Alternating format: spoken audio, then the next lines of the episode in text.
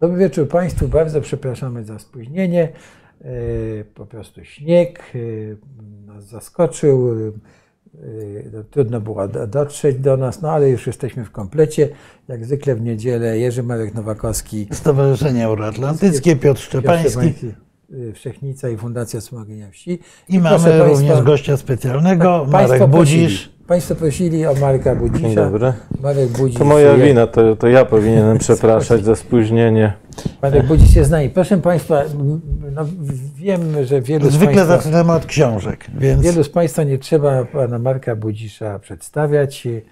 Ja tylko przy, przypomnę tym Państwu, którzy nie wiedzą, że pan Marek jest y, autorem y, między innymi książki Wszystko jest wojną. Y, rosyjska kultura strategiczna, tak ta książka wygląda. Bardzo polecam, naprawdę jest warta e, polecenia, bo pozwala zrozumieć bardzo dużo, jeśli chodzi o Rosję, jej postępowanie, postępowanie elit rosyjskich i tak dalej.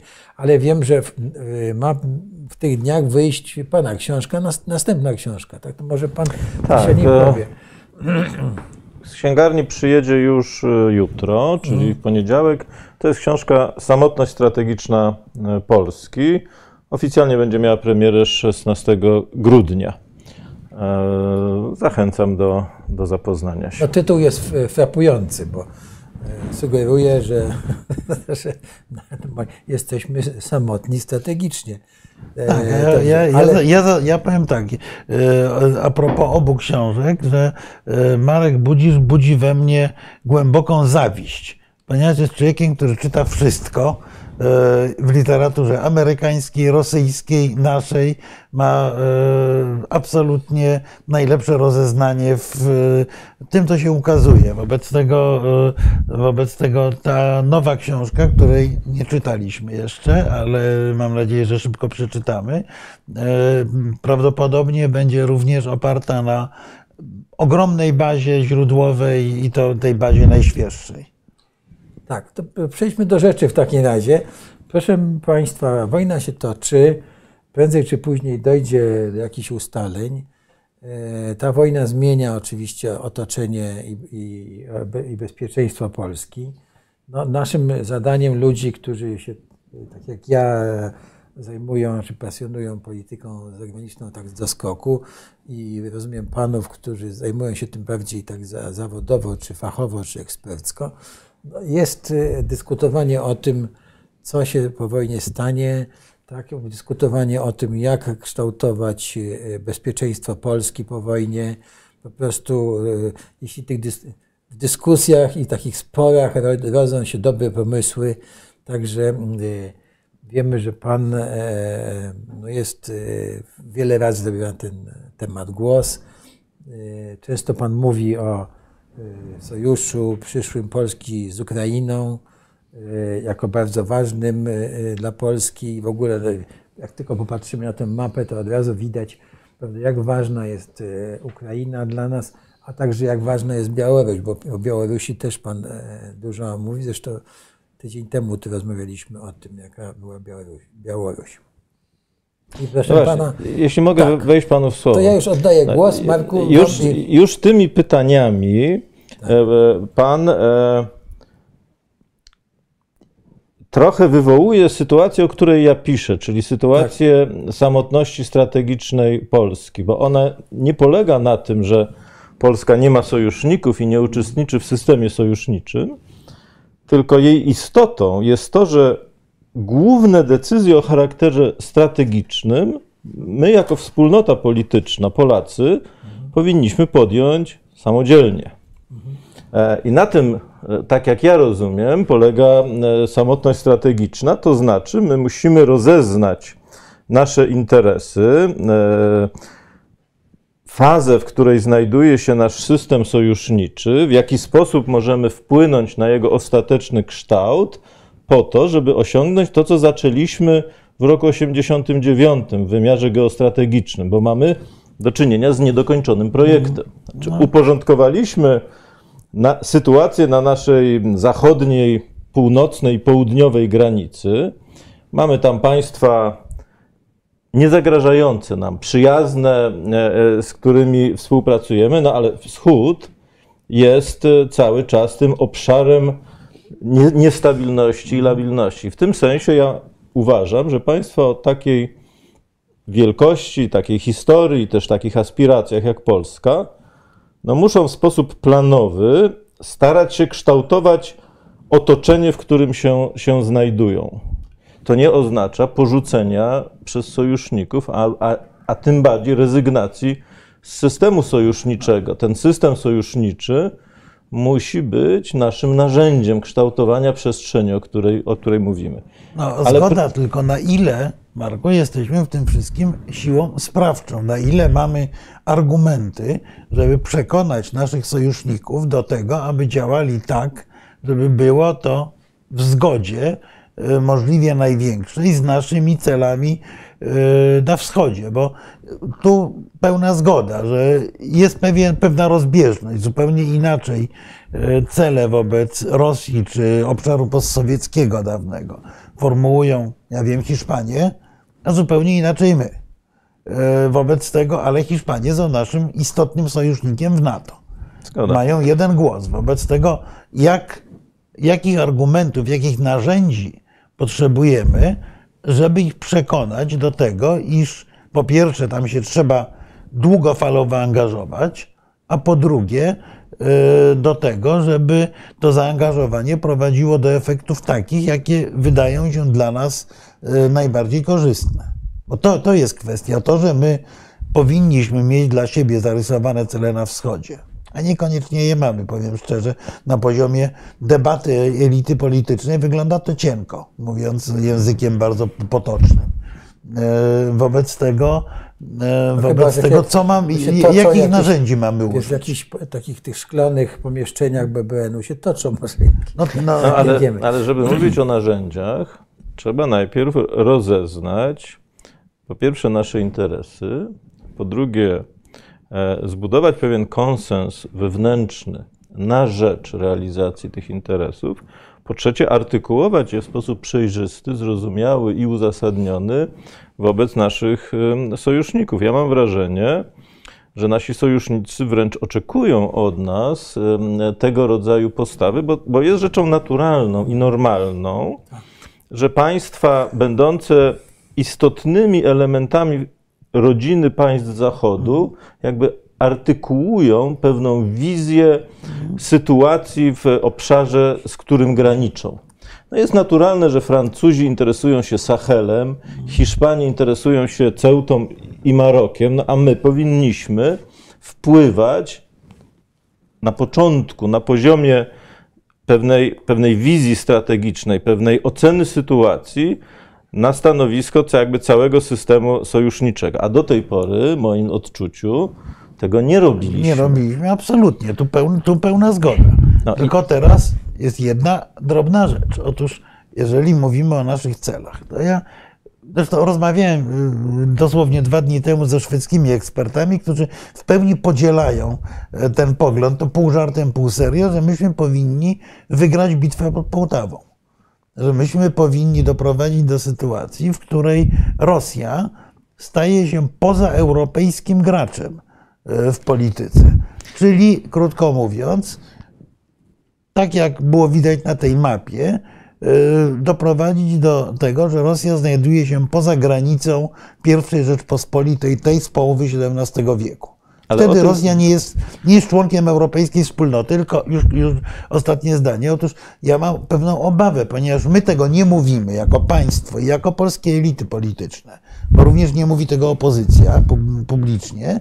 Natomiast nasi sojusznicy zaczynają kolejny raz artykułować wizję Rosji w Europie, Rosji, która zachowuje twarz. No to była wypowiedź Macrona i to była wypowiedź, która padła niestety po wizycie w Stanach Zjednoczonych. Więc ta zachowująca twarz Rosja, e, Rosja jest e, istotnym zagrożeniem z punktu widzenia tej polskich interesów i my powinniśmy tak naprawdę przekonywać partnerów zachodnich, bo wydaje mi się, że tu w, w tej kwestii, że Rosja powinna być poza Europą, istnieje niewypowiedziany, niezwerbalizowany i nieprzemyślany y, konsens w polskiej elicie politycznej. Akurat. Myślę, że nie tylko w Polsce, bo podobne tak. opinie wygłaszają eksperci z Finlandii. No mówię, Szwedzi, Finowie, Czesi, Rumuni. Julia Łatynina, rosyjska opozycjonistka, mm, tak. nie mieszkająca już w Rosji od tak. kilku lat, jak rozmawiała z Arestowiczem, no to zadała mu pytanie, czy czasem nie jest tak, że Polska bierze obecnie na Rosji rewanż za rozbiory. Mhm ten rewanż to miałoby być jakby odwrócenie sytuacji geostrategicznej, która, tak. E, która wtedy wraz z, rozpadem Polski została ta Zgoda. przestrzeń zagospodarowana. To jest dość powszechne myślenie w naszej części Europy, mhm. że po pierwsze żyjemy w czasach przełomowych, po drugie, że kształtuje się jakiś nowy, e, e, no, nowy porządek. No ale co może zrobić ktoś, kto o tym myśli i pisze tak jak ja od, od już jakiegoś czasu? No, mogę napisać książkę właśnie po to, żebyśmy zaczęli w Polsce poważnie o tym rozmawiać, bo, bo to nie są kwestie doraźne, to w ogóle tak. nie ma na przykład związku z wynikiem wyborów, tylko to są kwestie o charakterze pokoleniowym. E, to jest, jesteśmy moim zdaniem w, w, pewnych przełomowych, e, w przełomowej fazie, która potrwa jeszcze jakiś czas i to, to co się stanie, będzie porządkowało e, sytuację na całe pokolenie.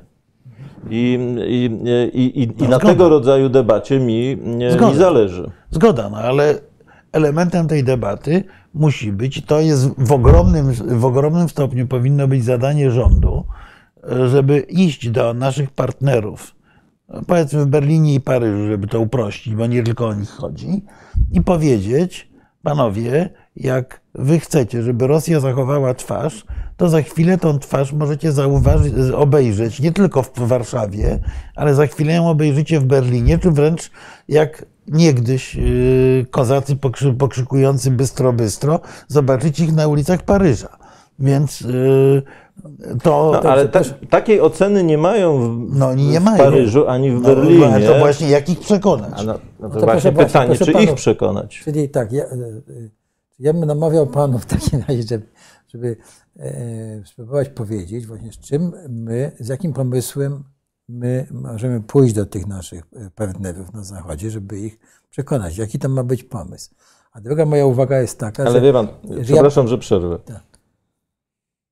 Ja uważam, że my powinniśmy artykułować nasze interesy, szukać sojuszników w regionie, tak. którzy mają podobną ocenę sytuacji tak. bezpieczeństwa tak. I, z nimi pójść. i szukać współpracy z państwami, które być może z innych powodów również są zainteresowane tym, żeby Rosję z Europy wypchnąć. Mhm. Ja nie powiedziałem i nie twierdzę, że należy w tym celu pozyskać Niemców i Francuzów. No, ale jak ich nie pozyskamy, to. Ale jeżeli mi pozwolisz, Marku, dokończyć. Zjednoczona Europa. Poczekaj, poczekaj, e, ja nie uważam, żeby Francuzi byli w stanie jakby podzielać nasz punkt widzenia na pewien ład powojenny w Europie Środkowej, dlatego że ich myślenie i myślenie również niemieckie, bo to, co Scholz mówi, pisze i, e, i, i robi, jest w gruncie rzeczy myśleniem o Europie, jako samodzielnym podmiocie, docelowo tak samo zdystansowanym wobec e, Chin, jak i wobec Stanów Zjednoczonych. To jest myślenie tego, o czym zresztą Scholz ostatnio otwarcie napisał, pewnego przywództwa europejskiego, tandemu niemiecko-francuskiego w takiej właśnie e, kolejności, który najpierw uzyska partnerskie relacje ze Stanami Zjednoczonymi, czyli będziemy mieli do czynienia nie z amerykańską hegemonią, ale z równowagą na tym poziomie, ale jednocześnie będzie to pewien, pewna całość e, europejska, e, geostrategicznie aktywna na kontynencie euroazjatyckim, co oznacza próbę balansowania między Stanami Zjednoczonymi a Chinami. I dlatego Scholz mówi, że polaryzacja na dwa obozy e, e, wcale nie musi mieć miejsca, bo można znaleźć formuły współpracy z Chinami. I to jest jakby coś zupełnie innego. Ja nie wykluczam, że Niemcy i Francuzi przekonają Amerykanów, że tego rodzaju formuła jest również w interesie amerykańskim. Tylko problem, moim zdaniem, polega na tym, że tego rodzaju formuła nie jest w interesie Polski. Absolutnie. No. Dlatego, że my będziemy zawsze marginalizowani i będziemy obszarem peryferyjnym, a w sytuacji tak. zagrożenia ze strony Rosji Zawsze będzie pokusa w Paryżu, to na pewno w Berlinie w nieco być może mniejszym stopniu, bo ich interesy są część, częściowo znacząco i tu ulokowane.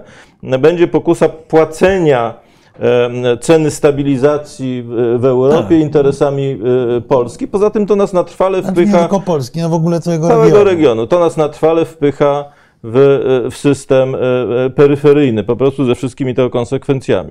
Więc w tym sensie, jeżeli mogę no. powiedzieć, nie wierzę w skuteczność przekonywania Berlina i Paryża. Wierzę w skuteczność współpracy z anglosasami, którzy mają mhm w sensie krótkoterminowym, bo to nie jest e, na dziesięciolecia, zbieżne z nami interesy, po to, żeby w ten sposób, lewarując e, e, naszą relatywnie słabszą pozycję wobec Niemiec i Francji, doprowadzić do zmiany relacji w Europie na bardziej partnerskie, a nie takie, jakby, chciała, jakby, jakby chciał to tandem niemiecko-francuski, czyli pewnej, pewnej oligarchii Europy Zachodniej i podrzędności Europy Środkowej. No to są zasadnicze no, różnice. Okay, no, tylko mówimy tutaj o, o, o dwóch różnych rzeczach.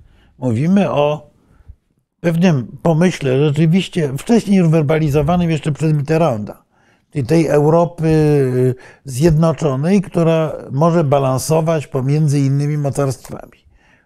Ja powiem szczerze, że y, ten pomysł mi się tak nie do końca nie, nie podoba, dlatego że y, ja sobie wyobrażam, że jeżeli chcemy, żeby Europa coś znaczyła w polityce światowej, żeby nie była dzielona właśnie na poszczególne kantony i grupy, to Europa powinna działać wspólnie i myśleć o sobie jako o jednym ze światowych mocarstw. No ale nie Wszelako, działa wspólnie, Marku. na tym polega cały no problem. Dobrze, no to właśnie dlatego ja mówię, że być może należy podjąć dyskurs z Francuzami i Niemcami, a nawet jestem przekonany, że jest potrzebny ten dyskurs na temat Ukrainy, na temat przyszłości Rosji, po to, żeby pomyśleć o Europie, która rozszerza się na Ukrainę i na, e, i na, na Ukrainę, Białoruś, Mołdawię, kwestia Kaukazu Południowego, no to jest znak zapytania pewien. I ta Europa oparta by była wtedy na osi co najmniej całego trójkąta weimarskiego, bo takiego wózka sami Francuzi z Niemcami nie uciągną, albo inaczej takim wózkiem nie będą w stanie zarządzać. I e, oczywiście oni się mogą zastanawiać, czy Europa pomniejszona pod zarządem tego tandemu e, niemiecko-francuskiego nie jest lepszym wyjściem, ale myślę, że stać nas na zarysowanie atrakcyjnej również dla nich wizji. Europy, która w przyszłości, dłuższym, bo to jest, to jest pokolenie plus tak naprawdę, staje się Europą będącą jednym z czterech, powiedzmy, światowych mocarstw, e, równorzędnym, jeśli idzie o ciężar gatunkowy, Stanom Zjednoczonym czy Chinom. Ta Europa, taka Europa oczywiście musi być zupełnie inna niż ta dzisiejsza. Natomiast... Ale y, pytaniem jest, jak do tego doprowadzić, bo co do generalnej zasady, ja nawet jestem skłonny się zgodzić. Tylko dzisiaj nie mamy przesłanek, żeby sądzić, że, że siłą perswazji przekonamy Berlin oraz Paryż do rezygnacji z części swoich interesów na rzecz naszych interesów. Ja uważam, że ta droga nie doprowadzi nas do pożądanego efektu, natomiast może nas doprowadzić do tego droga, jakby zagospodarowywania przestrzeni Europy Środkowej w opar... Dlaczego nas nie doprowadzi? Bo tu, tu sobie odpowiedzmy. Dlatego, że ma, oni mają inną wizję statusu Europy Środkowo-Wschodniej. To te wypowiedzi Macrona i do pewnego stopnia Scholza to nie jest kwestia przypadku albo braku wiedzy. To jest kwestia oceny interesów, oceny pozycji e, tych dwóch państw w Unii Europejskiej i ocena, że tak powiem, e, e, ewentualnych konsekwencji kierunku ewolucji. Ja uważam, że ani Paryż, ani Berlin nie są zainteresowane ewolucją Unii Europejskiej w stronę rzeczywiście równoprawnej Unii. One są zainteresowane utrzymaniem status quo, czyli dominacji niemiecko-francuskiej w Unii, gdzie inne państwa mają, odgrywają rolę drugorzędną. I być może to, ja bym powiedział, że nawet planie teoretycznym można by było akceptować odgrywanie przez Polski roli drugorzędnej, chociaż to nas na trwale, moim zdaniem, wpycha w, w taką pułapkę niedorozwoju, gdybyśmy nie mieli doświadczeń z polityką wschodnią, niemiecko-francuską. Bo doświadczenia ostatnich kilku lat z niemiecko-francuską polityką wschodnią to są doświadczenia ustępowania Rosji w sytuacjach kryzysowych. E, I to jest potencjalnie groźne. W związku z tym ja uważam, że my powinniśmy podjąć wysiłek, nie samodzielnie, ale w pewnej większej e, konfiguracji, zbudowania stabilnego systemu bezpieczeństwa w Europie Środkowej. I po zbudowaniu stabilnego systemu bezpieczeństwa w Europie Środkowej, co jest też równoznaczne z określeniem europejskich perspektyw Ukrainy, no i podniesieniem kwestii Białorusi, bo to jest tak. nawet państwo z naszej e, perspektywy ważniejsze. Dopiero po osiągnięciu tego stanu będziemy moim, moim, moim zdaniem e, w stanie doprowadzić do e, e, e, takich relacji w Unii Europejskiej, o których ty mówisz jako o relacjach pożądanych. I wtedy, ale to jest perspektywa 10, może 15 lat, wtedy jakby E, e, nastąpi uwspólnotowienie interesów europejskich, a nie dominanta interesów francusko-niemieckich, traktowanych jako najważniejsze w Europie kosztem interesów Europy Środkowej. E, inna kolejność, choć być może docelowy efekt podobny. Tak, no, co, co, co jakby nie zmienia faktu, że byśmy powinni w rozmowie szczególnie z Niemcami, bo Niemcy są bardziej zaangażowani w sprawy środkowo- i wschodnioeuropejskie niż Francuzi. E, Francuzi zawsze mają tę alternatywę śródziemnomorską, ale nie zmienia to faktu, że powinniśmy mówić naszym partnerom niemieckim, że nasza perspektywa strategiczna, ok, wzmacnianie bezpieczeństwa tego regionu jest ok, że nasza perspektywa strategiczna jest de facto również w interesie Niemiec, i e, ja, dlaczego ja mówię o Francuzach i Niemcach? Bo jeżeli rozumiemy w e, kategoriach na przykład odbudowy Ukrainy, to nie wyobrażam sobie, że bez udziału e, tego procesu, bez udziału Niemiec, Francji i Włoch istotnego, bez ich zgody, bez istotnych funduszy europejskich, być może również pozyskiwanych z pożyczek, które ostatnio, ostatnio blokował nasz węgierski partner, w każdym razie e, będzie dużo, będzie bardzo trudno zbudować e, nawet dość silną Solidarność Środkowoeuropejską przy aktywnym przeciwdziałaniu Berlina i Paryża. To minimum tego, co możemy osiągnąć, to jest namówienie Berlina, zwłaszcza do przynajmniej neutralnej postawy wobec tego procesu, o którym mówisz. No zgoda. Myśmy powinni tutaj e, naszą solidarność regionalną wzmacniać, wzmacniać nasze zdolności obronne, wzmacniać naszą samodzielność ekonomiczną. Paradoksalnie rozszerzenie Europy na Ukrainę i Białoruś jest dla nas najlepszą szansą na wyjście z pułapki tego peryferyjnego rozwoju, bo peryferyjność przenosi się wtedy na, na tamte kraje.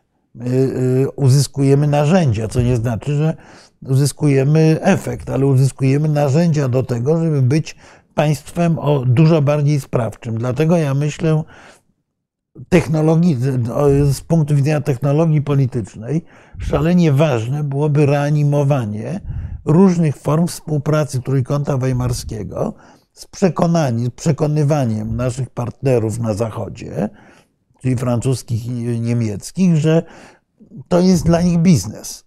Że Trójkąt Weimarski jako wehikuł odbudowy Ukrainy, tylko tyle na początek, jest narzędziem użytecznym i potrzebnym.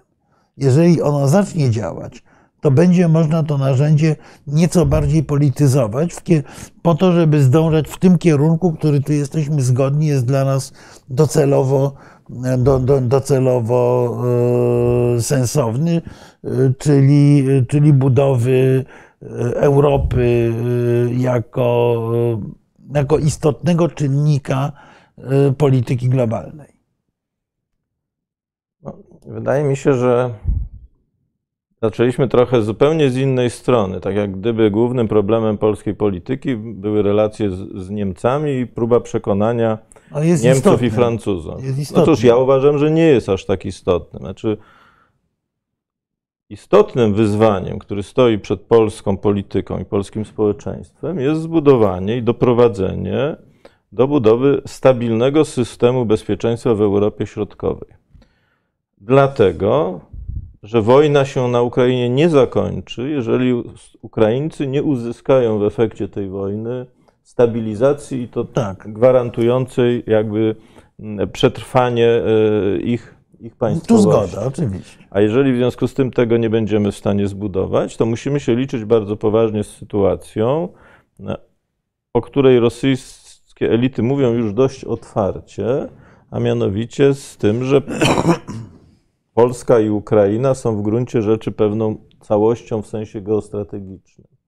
No, dzisiaj się kończą w, tak zwane primakowowskie cztienia i na otwarcie tej, tej konferencji występował Jurij Uszakow, doradca Putina do spraw polityki zagranicznej i on mówił, taka jest percepcja w Rosji, że anglosasi przystąpili już do odbudowy czy do reanimowania, jak on się wyraził, archiwalnej koncepcji Piłsudskiego, czyli zbudowania w Europie Środkowej. Użył, użył sformułowania anglosasi? Tak, Brytyjczy, tak, Brytyjczycy i Amerykanie. E, e, e, zbudowania kordonu sanitarnego wypychającego Rosję z Europy. To, jest, to są słowa Uszakowa.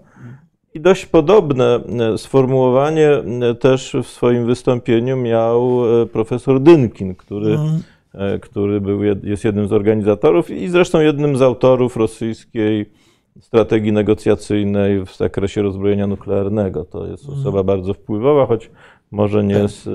nie pierwszoplanowa. No i Dynkin jest powszechnie rozpoznawalny raczej. No, w Polsce myślę nie do końca, ale, ale to, to nie ma znaczenia.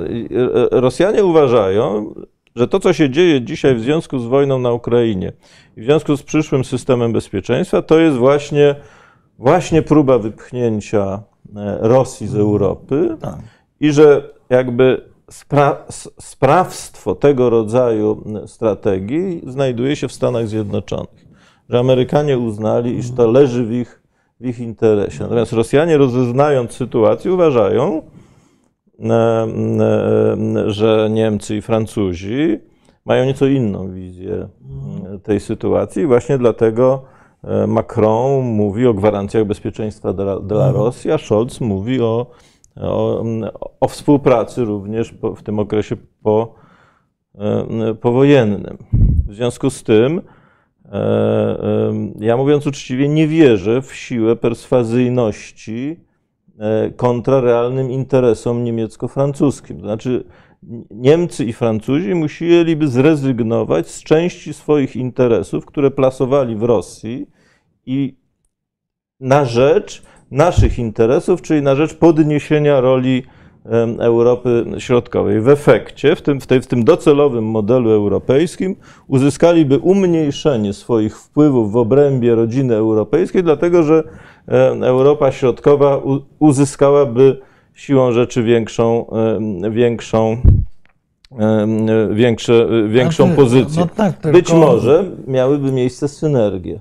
Być może jakby ta, ta, ewolucja systemu europejskiego doprowadziłaby do zażegnania czego, tego, o czym się głośno mówi, czyli pewnego kryzysu projektu europejskiego. Być może i tu możemy się zgodzić. Problem tylko jest taki, że moim zdaniem wcale tak nie uważają ani w Niemczech, ani we Francji, ani tym bardziej w Holandii. I dlatego nie chcą się zgodzić na członkostwo Ukrainy w Unii Europejskiej. I dlatego w ogóle, jak przecież niedawno pisał Politico, nawet, sły, nawet słuchać nie chcą o perspektywie członkostwa Ukrainy w NATO. A to oznacza, że poczytuje sobie za dość duży optymizm mówienie, że jesteśmy w stanie przekonać polityków niemieckich i francuskich e, w sposób perswazyjny. Ja uważam, że jesteśmy w stanie przekonać ich, jeżeli przystąpimy do budowy systemu bezpieczeństwa regionalnego w oparciu o relacje ze Stanami Zjednoczonymi, i z Wielką Brytanią w mniejszym stopniu, bo możliwości tego kraju są oczywiście mniejsze, i w ramach pewnego porozumienia regionalnego. Jeżeli się okaże, że te, te, te działania są zaawansowane albo dobrze rokujące, to wtedy nastąpi coś, co będzie dla nas korzystne. Mianowicie Niemcy zrewidują swoją, no. swoją politykę, ale w obliczu jakby już dziejącego no, się projektu. Zgodnie. Dlatego, że Niemcy będą uważali, że po pierwsze utracą rolę głównego sojusznika Stanów Zjednoczonych w Europie, po drugie jednak interesy niemieckie są wychylone również w stronę Europy Środkowej. Znaczy, no bardziej nawet niż w stronę Rosji. No tak, no bo... tylko że to nie jest kwestia perswazyjności, tylko to jest w gruncie rzeczy kwestia budowania pewnego nowego ładu regionalnego po to, żeby rozbić de facto, bo nazywajmy rzeczy po imieniu, dotychczasowy tandem niemiecko-francuski, który krępuje Europę. A to może nawet nie tyle rozbić, ile, e, ile unieszkodliwić. unieszkodliwić niektóre działania. Tu zgoda. E, natomiast e, ja mam wrażenie, że dynamika wydarzeń związanych z wojną na Ukrainie jest tak duża, że ona może szybciej zmieniać poglądy dużej części elit zachodnich, niż nam się wydaje. Wobec tego myślenie na ten temat ma pewien sens, dlatego że e, jaką rolę odgrywała Rosja e, jeszcze do ubiegłego roku, powiedzmy, no z pewnymi modyfikacjami, ale jaką rolę odgrywała Rosja w myśleniu czy niemieckim, czy francuskim. Otóż Rosja była uzupełnieniem tej e, strategicznej e, samodzielności Europy, o której czasami mówiono. Bez Rosji ta samodzielność strategiczna była niemożliwa. Tak naprawdę. Bez Rosji jako zaplecza surowcowego, bez Rosji jako mocarstwa wojskowego i tak dalej, i tak dalej. Rosja musiała być przynajmniej życzliwie neutralna wobec Europy, tej Europy, rzeczywiście Paryża i Berlina, żeby projekt y, samodzielności, balansowania miał jakikolwiek, jakikolwiek sens. Otóż po napaści na Ukrainę ta wizja Rosji partnera e, no, bardzo mocno osłabła. Rosji jako no tak. czynnika europejskiego. Marko, ale, I tu jest. Ale jaka wizja zastąpiła? No bo Scholz napisał. Na, na razie żadna nie ale, zastąpiła. Ale oczywiście, że, na, że, Mamy do czynienia, w, jeśli chodzi o debatę w Niemczech, z dwoma wizjami, tak bym to powiedział. Mamy pewien projekt Scholza, który on dość precyzyjnie opisał Foreign Affairs na użytek publiczności tak. amerykańskiej tak, no, i podobny sposób opisał w Die Zeit w czerwcu mm. bodajże na użytek mm. publiczności niemieckiej. Mm. I w największym skrócie rzecz biorąc, to jest projekt, który mówi o tym, że pozycja Rosji jest pozycją na, na długie lata już zdegradowaną. Tak. A w związku z tym Rosja nie będzie czynnikiem balansującym sytuację e, e, na kontynencie euroazjatyckim, o czym marzyli na Kremlu, że oni będą rozgrywać interesy Chin, interesy Europy, interesy mhm. Stanów Zjednoczonych, w ten sposób lewarując pozy swoją pozycję. Scholz mówi, że bipolarny podział świata nie jest koniecznością, mhm. że można znaleźć obszary współpracy, tak. zresztą po to pojechał do Chin e, i takim balanserem w skali kontynentalnej, euroazjatyckiej będą właśnie Niemcy, czyli Europa. Tak. Mhm. Bo jak Scholz mówi Europa, to myśli Niemcy. Mhm. Tak. E, Rosja osłabiona nie będzie już odgrywała takiej roli jak do tej pory, bo nie będzie miała takiej pozycji, co, co usprawiedliwia czy ułatwia wznowienie współpracy gospodarczej, bo ryzyko instrumentalizowania współpracy przez Rosję w celach politycznych obiektywnie maleje. No to to jest tego rodzaju, tego rodzaju wizja. I mamy w Niemczech też drugą wizję, e, którą przedstawił e, Wolfgang Ischinger. I ona notabene, mówiąc szczerze, z naszej perspektywy jest korzystniejsza, tylko że problem polega na tym, że nie jest dominująca w Niemczech.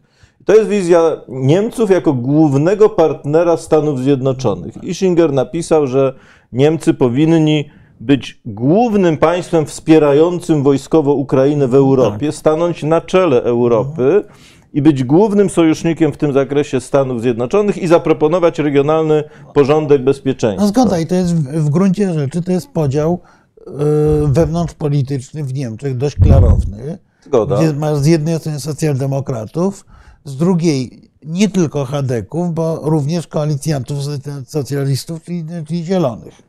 No i, ale mamy jeszcze opinię publiczną niemiecką, tak. której nastawienie jest dość, jest dość czytelne. Jest tak? Znaczy, e, tak, ta, taka sama część niemieckiej opinii publicznej uważa, że wrogiem są Chiny, jak i że wrogiem są Stany no tak. Zjednoczone. Tak. Rozumiem, no pół na pół. No, to, to, to, to jest, bym powiedział, nieco inne e, rozumienie pół na pół w moim, w moim, w moim odczuciu. Znaczy, to jest jednak. E, e,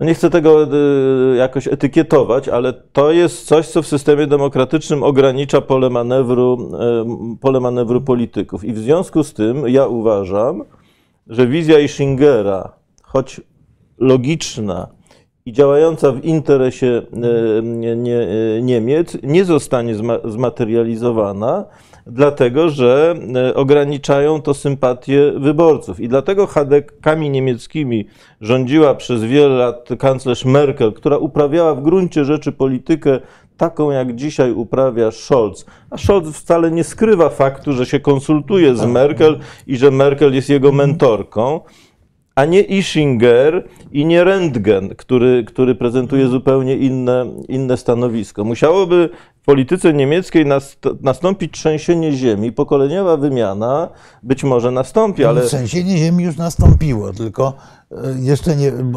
Tylko zwróćmy uwagę, na ilu założeniach opieramy tą naszą strategię budowania ładu bezpieczeństwa w, w, w Europie niemiecka polityka musi się zmienić, Niemcy muszą zacząć inaczej podchodzić do, do roli regionu, Francuzi muszą zrozumieć, że powinni zrezygnować e, e, e, ze swojej dominującej pozycji, bo ona już jest nie do utrzymania. Mhm. Ona była racjonalna 15 lat temu, dzisiaj ona już jest nie do utrzymania. Może zgoda.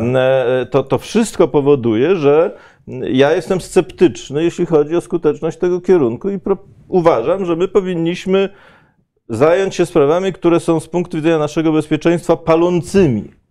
A palącą kwestią to jest wojna na Ukrainie i regionalny system bezpieczeństwa, bo jak tutaj źle skonstruujemy to, to za 5, a może za 10 lat, a może, e, a może pomiędzy tymi datami będziemy w wojnie z Rosją. To jest realne, tak. realne tak. zagrożenie. I, I, I ja uważam, że my na tym powinniśmy koncentrować swoją uwagę, oczywiście artykułując w sposób klarowny, czytelny i jasny, nasze interesy i oczekiwania pod adresem sojuszników, również i, i, i Niemiec, i Francji, bo na tym polega podmiotowość i partnerstwo. Tylko, że najpierw uporządkujmy nasze myślenie o Europie Wschodniej i Europie Środkowo-Wschodniej. No, zgoda. To, to znaczy, no, to, tu y, w tej kwestii rozumiem, jesteśmy zgodni. Ja mam, tu mi nawet za, zarzucił jeden z naszych z naszych widzów, że e, ja wszystko mówię dobrze o Niemcach. Nie mówię dobrze o Niemcach, tylko ja uważam, że e, rzeczą szalenie istotną, bo jednak e, głównym fundamentem naszej polityki jest NATO i Unia Europejska. W obu tych instytucjach Niemcy odgrywają rolę znaczącą. Wobec tego antagonizowanie Niemiec ponad potrzebę jest głębokim błędem. To po pierwsze.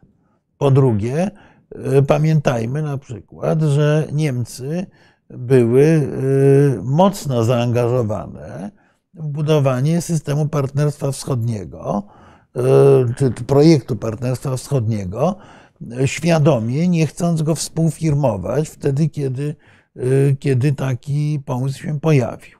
Wobec tego to nie jest tak, że, że, że możemy ignorować ten cały ten kierunek e, zachodni naszej polityki, bo znaczy ja powiem inaczej, bez e, ale kto utrzymania. Ignorować? Nie, no, bo, bo mówię, że nie jest, nie jest to ważne. Ja uważam, nie, jest... ja, ja, uważam, że uporządkowanie sytuacji w EU, musimy dążyć do uporządkowania i ustabilizowania sytuacji w Europie Środkowej, ale drogą, droga do, do, do tego celu nie wiedzie przez Berlin i Paryż. Uważam, że jest akurat odwrotnie. Znaczy, że e, powinniśmy najpierw podjąć e, działania, po pierwsze w zakresie zbliżenia z Ukrainą, tak to na razie określmy, w różnych obszarach. Mamy żelazne kwestie o charakterze wojskowym i, i, i, i polityki zagranicznej. Mamy kwestie tego, jak Skandynawia, czy Szwecja i Finlandia wejdą do NATO, bo sam fakt wejścia tych dwóch państw do NATO to jeszcze niczego nie oznacza. Muszą być wykonane, e, e, musi być wykonane szereg kroków o charakterze czysto wojskowym, ale też i politycznym, żeby to wejście do NATO tych obydwu państw było korzystne z punktu widzenia polskiego bezpieczeństwa no i musi być wreszcie zbudowany wspólny system od Spitsbergenu do Morza Czarnego powstrzymywania, powstrzymywania Rosji. Zgoda. I to jest olbrzymie dzieło o charakterze wojskowo-polityczno-strategicznym. Jeżeli to by nam się udało zrobić, to wtedy moim zdaniem w sposób automatyczny e, i znacznie prostszy otworzy nam się ta droga do e, do, to, do Berlina okay. i do Paryża. Dlaczego? Dlatego, że to, to, o czym mówimy, odbudowa Ukrainy, zmiany na Białorusi, etc., na Białorusi, droga do osiągnięcia tych korzystnych rezultatów bierze swój początek w ustabilizowaniu sytuacji o charakterze wojskowym. Mam, I ten czynnik będzie dominował mam, w najbliższych mam, parę pytań, tak. o, o którym bym prosił o wyjaśnienie czy y, my, znaczy czy Polska jest ważnym y, obszarem dla, nie, dla Niemiec. Tak? I czy jesteśmy w ogóle dla nich ważni z, punkt, z ich punktu widzenia bezpieczeństwa? To jest moje pierwsze pytanie, bo chciałbym, żeby to y, wyjaśnić. Po drugie, czy to, co Pan mówi, zbudowanie tej, tego sojuszu, czy tego no, czegoś, co ma być narzędziem przekonywania Niemiec i Francji do zmiany y, ich polityki, czyli tego regionalnego, nie wiem, sojuszu, cokolwiek to, to będzie. Tak? Czy możemy to zbudować e, w takim oderwaniu y, od Niemiec, jak gdyby, tak, tak rozumiem Pana wypowiedź, tak? że to ale przecież bez, nie, be, Ukraina bez... walczy w oderwaniu od Niemiec. Niemcy nie pomagają nie, Ukrainie, ja, ja rozumiem, a pomoc ale... francuska to już jest w ogóle Pomoc francuska nie, nie, ja rozumiem, że Ukraina... niemiecka jest znacząca. No ja, ja rozumiem, że no, walczy, ale, ale my mówimy nie Nominalnie o... znacząca, no. natomiast jeżeli weźmiemy pod uwagę, że Niemcy mają siedmiokrotnie większą no, no gospodarkę tak, no, od polskiej, no. tak. no, to jest siedmiokrotnie tak. mniejsza od Polski. ale tak. czy, czy w ogóle przystępując do czegoś takiego, w ogóle my będziemy y, stanie pójść z tym pomysłem, który nie będzie jakoś robiony, czy nie, nie, będzie, nie będzie to tworzone właśnie przy obecności Niemiec, czy w ogóle my, my Ale ja, to zbudujemy. Szczerze, bo, nie rozumiem bo, tej obsesji na punkcie Niemiec. Ale ja nie mam obsesji. No, ale ciągle rozmawiamy Niemiec. o Niemczech w sytuacji, kiedy mamy zdestabilizowaną sytuację nie, na wschodniej granicy i uważamy, że tylko przekonując Niemcy jesteśmy nie, w stanie nie, ustabilizować. Nie, proszę pana, A ja uważam, że akurat zupełnie inaczej. Znaczy, Niemcy mogą nam zaproponować Mińsk 3 i Ukrainie. Ani Ukraina tego nie chce, ani tak. to nie będzie w naszej, tak. w, naszej e, korzystne dla Ale nas. Czy mamy na, na, tyle poweru i tyle siły przekonywania w regionie, że jesteśmy w stanie to zbudować? A mamy jakąś inną opcję? Nie, no nie, ja, no, nie, ja rozumiem, że nie mamy innej opcji. A no właśnie, ale, no to musimy ale, to robić. No to, no to, to, to dobrze, to w takim razie pytam o narzędzia. Znaczy, jak, ja, jak to robić w takim razie? Znaczy, ja muszę powiedzieć, że ja z e, pewną obawą tak naprawdę E, właśnie słucham o tej koncepcji, ponieważ ta koncepcja mi bardzo przypomina to, tę politykę, którą prowadził Beck e, w połowie lat, po, po, po śmierci Piłsudskiego w połowie lat 30.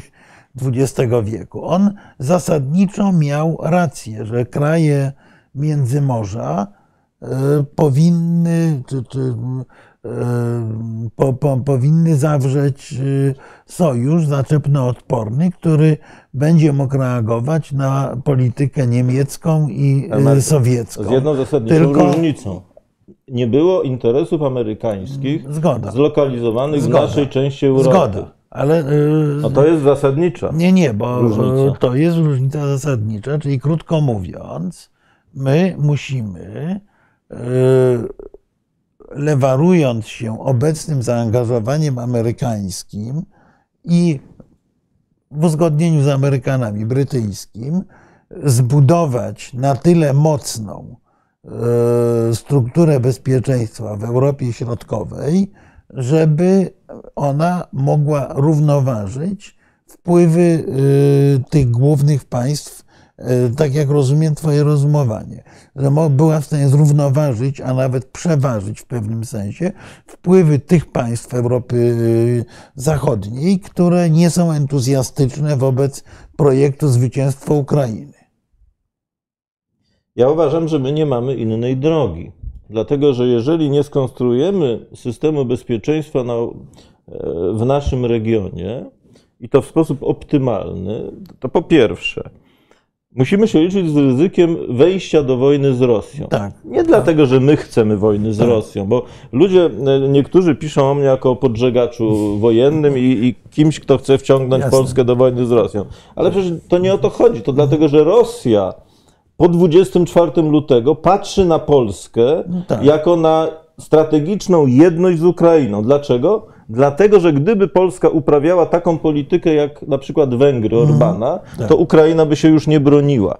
A w mhm. związku z tym wojskowe tak. i polityczne wsparcie Polski dla tak. Ukrainy daje, daje taką wspólną siłę, że Rosja nie jest w stanie kontrolować, zdobyć Ukrainy. Ani politycznie, ani no, jak się znaczy, no, okazuje okay, wojskowo. No, ale to powiedzmy sobie szczerze, nie polskie wsparcie, tylko e, to, że Polska jest elementem ale... tego anglosaskiego wsparcia. Ale Marku, odnoszę się do perspektywy wojny. Mm, tak. Znaczy, e, perspektywa wojny z Rosją nie wynika z faktu, że my tej wojny chcemy. Wynika tak. z faktu, Zgoda. że Rosja nie rezygnuje tak z, z wizji zdobycia Ukrainy, mhm. kontrolowania jej politycznie, a wcześniej pokonania wojskowego.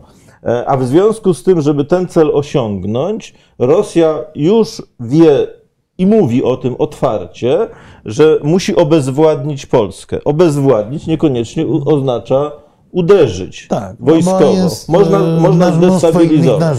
To jest pierwsze ryzyko, które, które jest moim zdaniem ryzykiem fundamentalnie istotnym, mhm. ważniejszym tak. niż nasza pozycja w rodzinie Unii Zgoda. Europejskiej. Drugie ryzyko, nie mniej istotnym, to jest konstruowanie takiego ładu powojennego, który uniemożliwi albo osłabi perspektywę odbudowy Ukrainy. Dlatego, że Ukraina mhm. wtedy będzie państwem upadłym. No, po prostu upadłym. Państwem no. upadłym i destabilizująca sytuacja związana z mhm z tym Zgoda. stanem no to... będzie promieniowała na Polskę.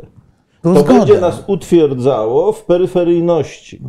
I właśnie, właśnie tego rodzaju scenariusz jeszcze utwierdzi Holendrów, Niemców i, i Francuzów, że być może nie warto wiązać się z Europą Środkową, bo to też będzie e, oznaczało import e, destabilizacji e, już do, do, do Europy Zachodniej. No, moim... tak, tylko jeżeli Rosjanie zdecydują się na agresywną destabilizację sytuacji w Europie Środkowej, bo nie, Polskę, ale również w krajach bałtyckich, co najmniej jak nie w innych, to, e, to oznacza to i tak eksport destabilizacji dalej do Europy. Mniejszej, ale, ale tak. No. E, Dlatego powinniśmy dążyć do zbudowania optymalnego ładu bezpieczeństwa w naszym to, regionie. Tu pełna zgoda. Dobrze, proszę panów. Pełna ja zgoda. Ja bym panował, żeby w takim razie teraz może potem wrócimy do dyskusji, a teraz żebyśmy, żeby pan opowiedział, jak ten ład zbudować. Tak, bo e, ja mam też jeszcze następne pytanie, jeśli chodzi o Niemcy, bo e, e, i, i to nasze bezpieczeństwo i tą stabilizację, czy wyjście z peryferii, prawda? Czy ten system, o, o którym mówimy, zbudowania ładu bezpieczeństwa w Europie Środkowo-Wschodniej, tak, czy on nam zapewni no, wszystkie elementy bezpieczeństwa, czyli dobrobyt, prawda, może nam zapewnić krótkotrwale prawda, pokój, ale czy zapewni nam rozwój, pokój i tak dalej, bo to jest taka też szersza kwestia.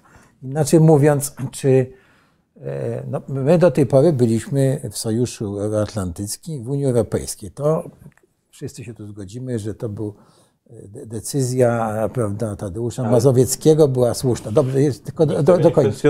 Tak, tak, to... ale żeby, chodzi mi też o to, żebyśmy my po prostu nie y, przez takie y, no, oderwywanie się, z, z, z wyjście jak gdyby mentalne, z tych, czy nawet y, faktyczne z, z, tego, z tych sojuszy, żebyśmy nie osłabili swojej pozycji jednocześnie. Inaczej mówiąc, czy budowanie tego systemu, jak to zrobić, czy, i czy budowanie tego systemu, o którym Pan mówi, nie osłabi naszej, naszej pozycji i tego bezpieczeństwa, które już w tej chwili mamy. Ale wie pan, no, to no, należałoby jeszcze tą tezę udowodnić, że, że osłabi. No bo na, na no jakich więc, przesłankach to opieramy? Opieram to na przesłankach takich, że jeżeli y, y, zaniedbamy nasze relacje z partnerami zachodnimi w tej chwili, tak, że po prostu nie będziemy się z nimi komunikować, tak, nie będziemy, to co mówiliśmy na początku, jasno komunikować, że chcemy i to i to zrobić, prawda, no to y, te elity francusko-niemieckie nikt... mogą sobie powiedzieć, to wy sobie Polacy to róbcie, nas to nie Ale obchodzi. te elity tak? francusko-niemieckie i tak to mówią, to po pierwsze, a po drugie, nikt czegoś takiego nie proponuje. Znaczy, mhm. nikt rozsądny i proponowałbym nie, nie, nie, nie, nie, nie sprowadzać argumentacji do absurdu. Nikt rozsądny nie proponuje rzucić się na budowanie jakiegoś nieznanego sojuszu, e, zaniedbując nasz układ e, koalicyjny, w którym istniejemy. No ale panowie tu przed chwilą powiedzieli, prawda, że e, nie ma, że nie ma tej komunikacji. Ale, prawda? Nie, nie. Z całym szacunkiem komunikacja jest. Nie ma współdziałania, nie ma zmiany polityki po stronie niemieckiej y, i z pewnością francuskiej, e, takich zmian, które my byśmy uznawali za wychodzące naprzeciw naszym oczekiwaniom. To, to są dwie różne rzeczy. Moim zdaniem tych zmian nie ma, bo oni mają inne interesy, ale komunikacja istnieje, a wręcz ja od samego początku mówię, że powinniśmy w sposób czytelny, przejrzysty i stanowczy artykułować w naszym systemie sojuszniczym nasze interesy, w tym wizję systemu docelowego, czym jesteśmy zainteresowani, bo to tak powinno działać.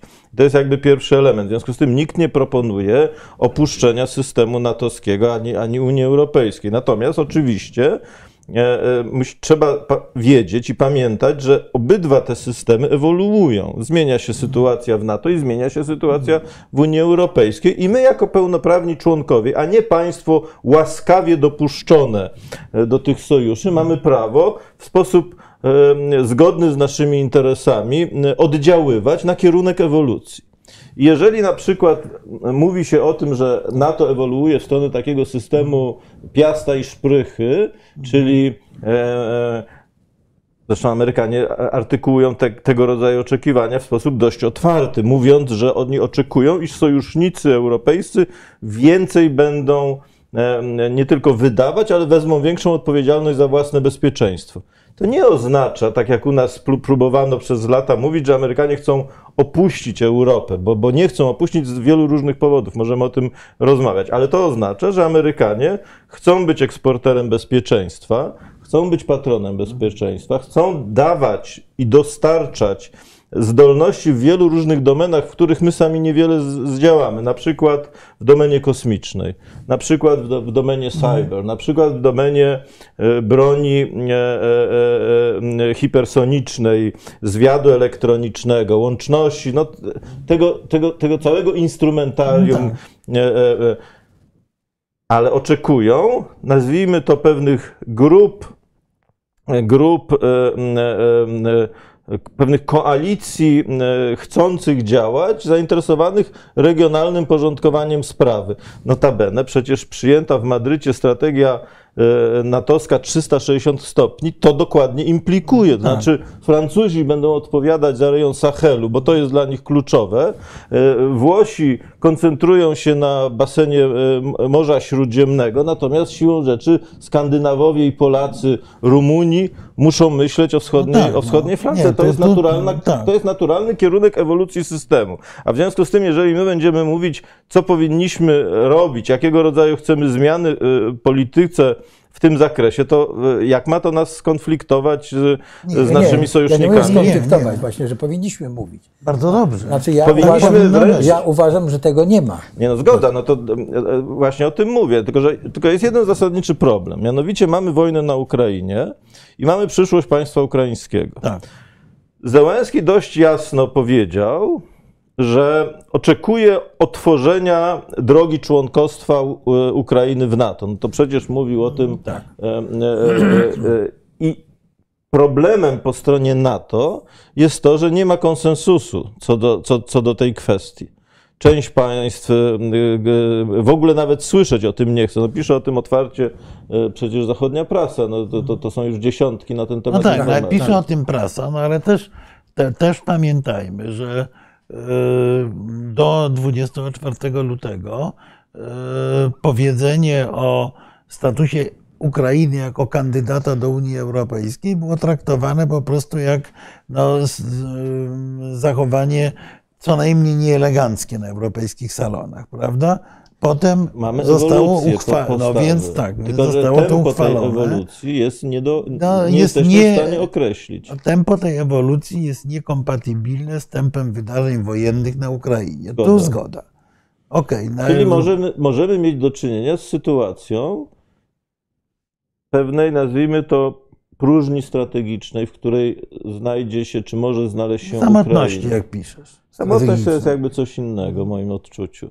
Czyli z sytuacją, że perspektywa wejścia do y, NATO i gwarancji bezpieczeństwa natowskich będzie perspektywą realną, ale oddaloną w czasie, bo to, żeby była realna, to w sposób oczywisty powinniśmy tak. do tego dążyć. Tak.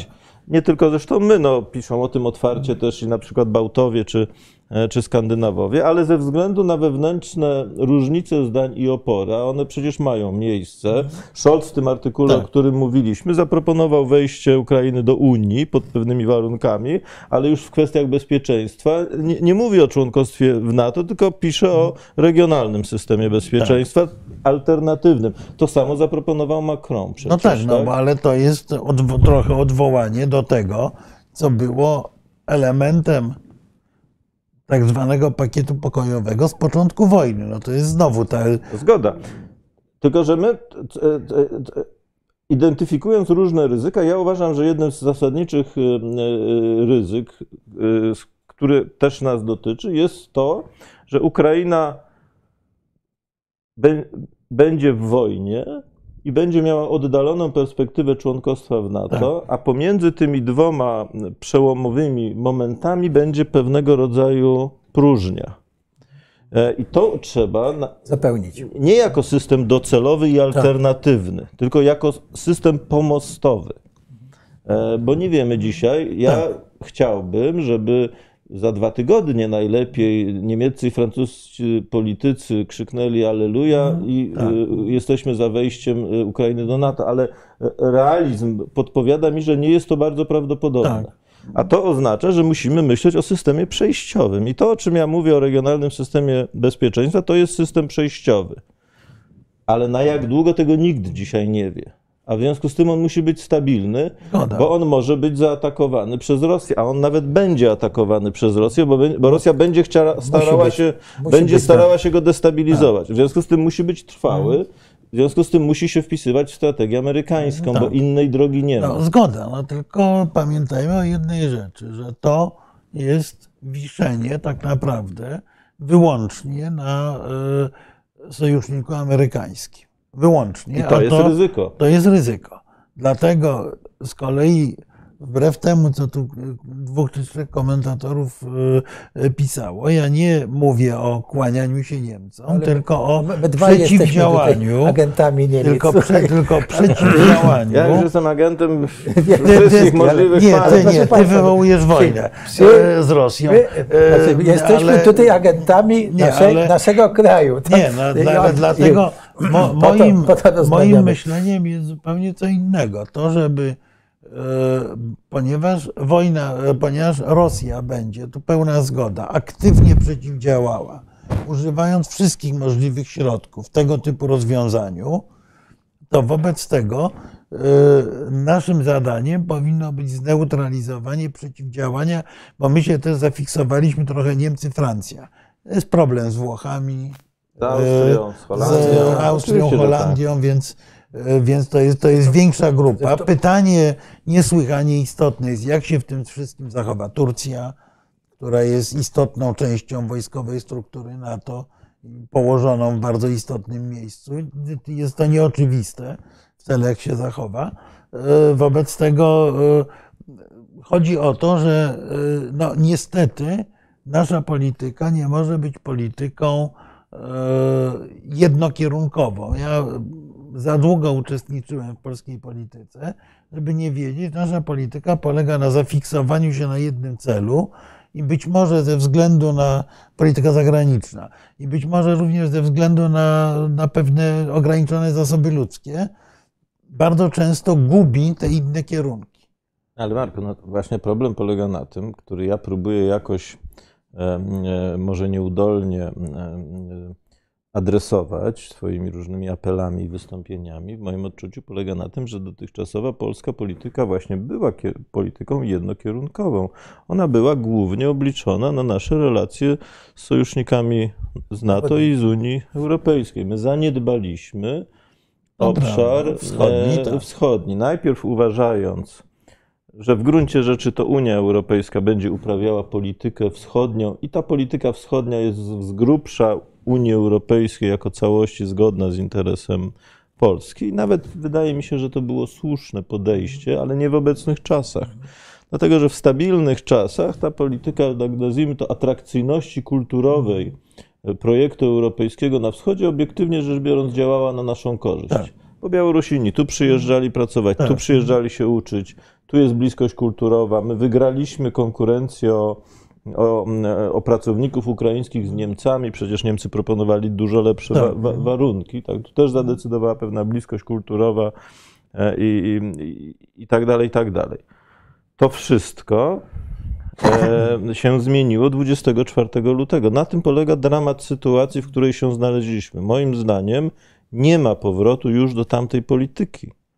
To wszystko zmieniło 24 się lutego, dlatego że Rosja zmieniła swoje spojrzenie i w moim odczuciu Rosja w sposób trwały zmieniła swoje myślenie o swojej obecności w świecie. Rosja przestała ch chcieć być uczestnikiem projektu europejskiego na swoich warunkach, bo te propozycje Putina do tego w gruncie rzeczy się, się tak. sprowadzały Dzisiaj Rosja chce destabilizować Europę, bo uważa, że zmiany o charakterze globalnym, to znaczy osłabienie tego kolektywnego Zachodu, jak oni mówią, działa na korzyść Rosji i na wzrost znaczenia tego, te, tych ośrodków, na które oni chcą się orientować, czyli tak jak oni znowu mówią, e, tej światowej większości, państwa BRICS, Afryka, Azja, Ameryka, Ameryka no tak. Łacińska. I i tu paradoks polega na tym, że ja uważam, że my mentalnie nie nadążamy w Polsce za, za rozwojem no sytuacji. My uważamy, tak. że głównym zagrożeniem jest to, że Niemcy będą chcieli wrócić Francu i Francuzi do modelu business as usual z Rosją. Nie. To jest nierealne. Tak, ale, znaczy, ale zgoda. W debacie no to, publicznej to jest uważane za zagrożenie główne. Ja tak. mogę zaproponować w takim razie, żebyśmy, żeby pan e, zarysował jak budować ten, w takim razie ten, ten regionalny y, sojusz.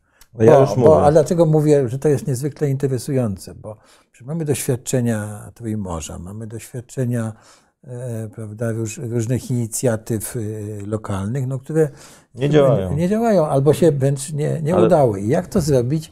Teraz, prawda, że... No wojna zmienia wszystko. No, zmienia wszystko znaczy, wojna ale... jest takim triggerem, ale... Mhm. która unieważnia wszystkie stare, nazwijmy to animozje i, i, i rachunki. I ona już do pewnego stopnia wiele zmieniła, no bo przecież polityka, choćby niemiecka, tak. skoro tu mówimy o Niemczech, zmieniła się tak. w sposób dość no, zasadniczy. Być może z naszej perspektywy niekonsekwentny, ale zmiana jest istotna. To, to, to, to tego nie tak. można e, zakwestionować. Jak to wygląda z wojskowego punktu widzenia? No, po pierwsze, mamy akces Finlandii i Szwecji do NATO. To jest na co najmniej dwóch po, poziomach niezwykle ważne. Znaczy, po pierwsze, jest to wyraźne stanowisko, że Skandynawowie nie wierzą w projekt europejskiej armii. Bo gdyby wierzyli w projekt europejskiej armii, to by nie wchodzili do NATO, mm, tylko by tak. jakby inwestowali w to przedsięwzięcie. W ogóle te inicjatywy europejskie się nigdy nie udawały. No, więc zamknijmy, zamknijmy, tak. zamknijmy już tę kwestię. Unia Europejska nie jest przedsięwzięciem gwarantującym bezpieczeństwo. W związku z tym inwestowanie... Znaczy gwarantującym, ale nie w wymiarze militarnym. No, no o tym o, mówimy. No, gospodarczy i tak, tak dalej. To... Gospodarczy jak najbardziej. No przecież nikt rozsądny no tak, ale... nie optowałby za, ale... za, za związkami gospodarczymi. Znaczy, rozumiem, że pan, tak, pan mówił nam o militarnym. Nie, nie, no, ale, ale ten mówimy o bezpie... jest najważniejszy. Ale drugi nie, element jest Zgoda. nie mniej istotny. Dlaczego? Dlatego, że co, co nam daje jako NATO wejście Szwecji i Finlandii? Daje nam trzy rzeczy. Po pierwsze, perspektywę kontroli na, na, na Bałtyku. Żeby mieć tą perspektywę kontroli, to trzeba wykonać cały szereg kroków o charakterze wojskowym. Finowie muszą się zgodzić na e, e, bazy natowskie na swoim terytorium, muszą, e, muszą rozwinąć pewne zdolności, muszą wystąpić z konwencji w sprawie Wysp Alandzkich mhm. przecież, no, ca, cały szereg tego rodzaju działań, bo chodzi o to, żeby Rosjanie nie byli w stanie na wypadek ewentualnej wojny zdobyć, zdobyć trzech fundamentalnie istotnych wysp na Bałtyku. Hiumy estońskiej, archipelagu Wysp Alandzkich w Finlandii i Gotlandii tak. szwedzkiej. Kontrola nad tymi trzema wyspami w połączeniu z, z innymi potencjałami, w tym lotnictwem, e, daje kontrolę przestrzeni, e, jaką jest Bałtyk, co oznacza, że enklawa kaliningradzka może nie tyle traci całkowicie znaczenie, ale z wojskowego punktu widzenia jest nie do utrzymania, bo nie, nie można dowieść zaopatrzenia. Tak, znaczy zamiast e, formuły ofensywnej może być ewentualnie zamkniętą twierdzą. Tak. tak. Po drugie, państwa bałtyckie uzyskują głębię strategiczną, to znaczy mogą być zaopatrywane za pośrednictwem transportów Może, przez Bałtyk. Krzysztofie, możemy mapę wrócić tutaj, dobrze, żeby to znaczy, było, e, jeżeli, jeżeli masz, to, to pełna zgoda, bo znaczy, ja powiedziałbym tak, ten akces Szwecji i Finlandii do NATO pozwala w ogóle realnie myśleć o obronie państw bałtyckich, tak. bo przecież strategia natowska wcześniej przewidywała, że oddanie, tak oddajemy i, i odbijemy. Tak. Dzisiaj nikt rozsądny nie chce się na to zgodzić. Ja się nie dziwię premier Kallas tak. z Estonii, która pisze, że po doświadczeniach Irpienia tak. no, pomysł, żeby Rosjanie mogli Dokładnie. wejść i choćby kilka dni tak. kontrolować. Tallinn, no to jest samobójstwo. Tak? To, to ja, mhm. Kontrola Bałtyku daje zdolności do zaopatrywania na wypadek wojny e, e, państw bałtyckich, a to unieważnia albo znacząco zmniejsza wagę tak zwanego przesmyku suwalskiego, przez który wiodą dzisiaj jedyne linie zaopatrzenia. I to jest jakby pierwszy element. Drugi element, nie mniej istotny, proszę zwrócić uwagę na mapę. Finlandia ma 1350 km granicy z Rosją i odpowiednio ukształtowana, ukształtowany system obronny Ukrainy i odpowiednie siły, które powinny się znaleźć w Ukrainie, dają jedną możliwość, a mianowicie dają możliwość odcięcia. Znaczy mówisz o Finlandii, nie o Ukrainie w tym wypadku. Przepraszam, Finlandii. Tak. Dają, daje możliwość odcięcia, daje możliwość odcięcia Półwyspu Kolskiego.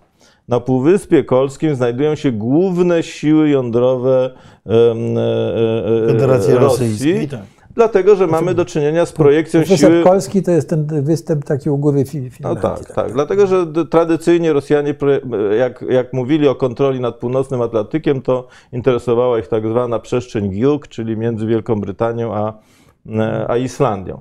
Co to oznacza z wojskowego punktu widzenia? No to oznacza, że Rosjanie muszą w sposób znaczący rozśrodkować swoje siły. I teraz przechodzimy do drugiego elementu, mianowicie do elementu Ukrainy. Utrzymanie Ukrainy jako niezależnego, samodzielnego i zdolnego do funkcjonowania państwa, zaprzyjaźnionego z Polską, ale za to e, wrogo nastawionego do Rosji, oznacza, że Rosjanie muszą też utrzymywać znaczący potencjał wojskowy na granicach z Ukrainą.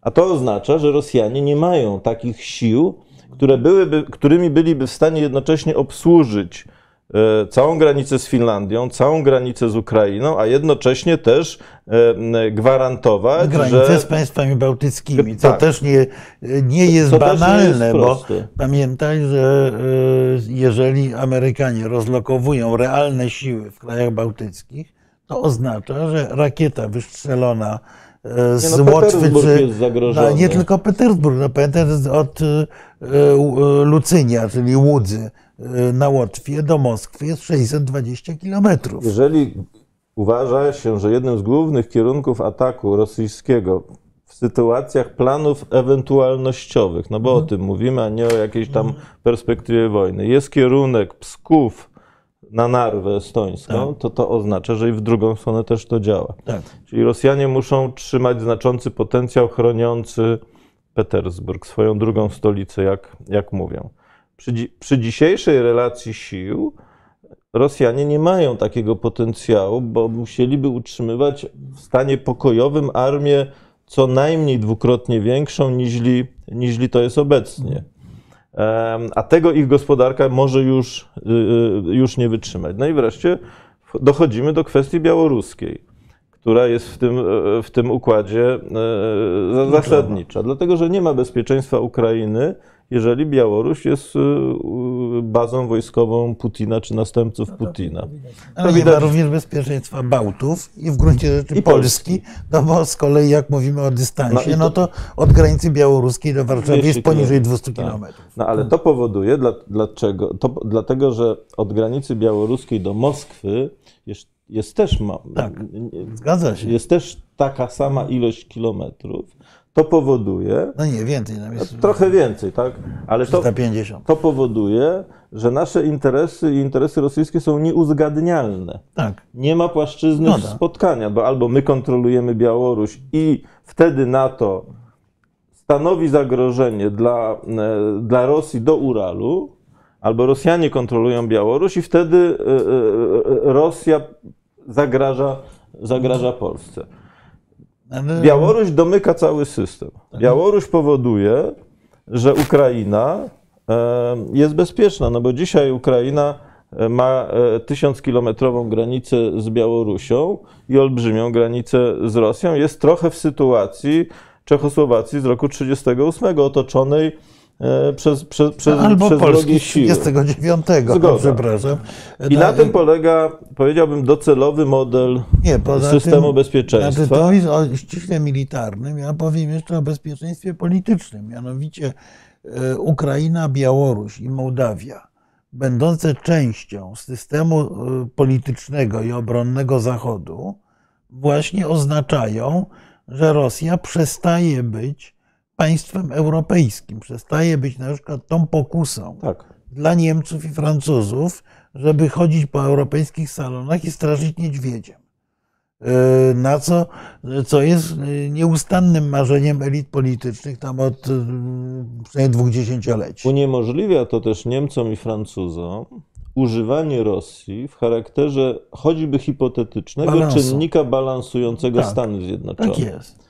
Wtedy wypchnięcie Rosji z Europy oznacza, że Niemcy i Francuzi, mówię umownie tak. oczywiście, tak. zachodni Europejczycy, chcąc balansować przewagę Stanów Zjednoczonych, a będą chcieli tego, to robić, muszą korzystać z Europy Środkowej jako elementu znaczy, balansującego. Zgoda, ale mamy wtedy. I, to i będą, i będą tak. iść w tę stronę. I to właśnie otwiera to, o czym ja mówię, czyli partnerskie relacje w Unii.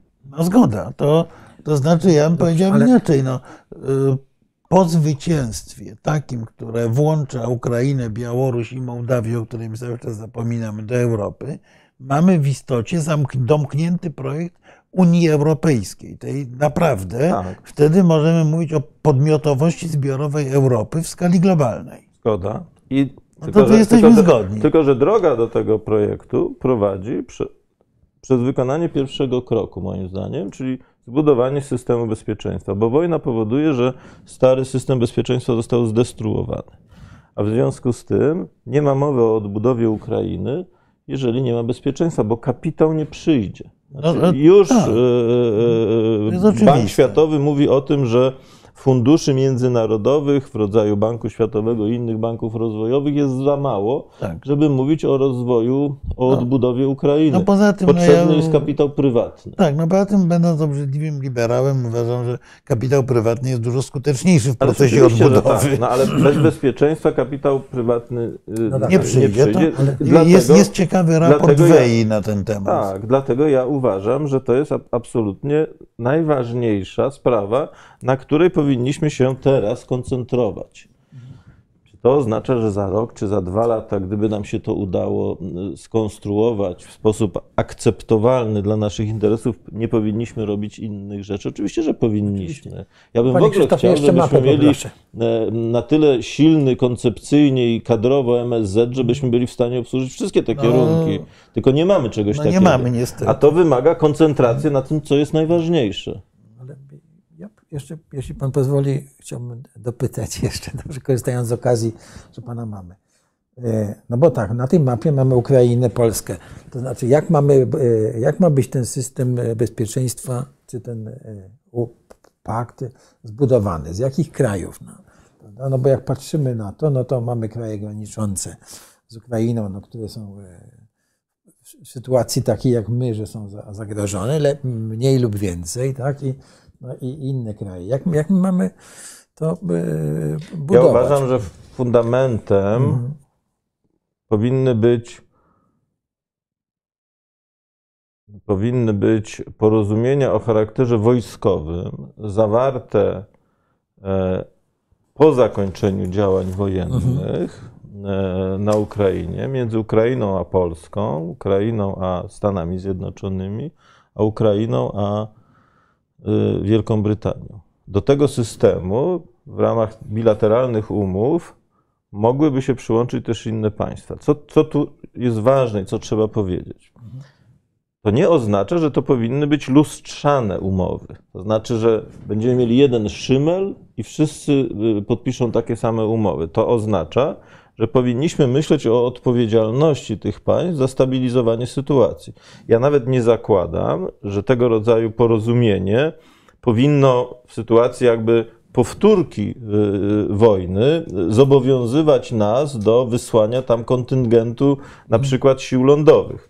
Być może lotnictwa, być może y, obrony przeciwlotniczej. To wszystko wymaga dyskusji i wymaga pewnego namysłu.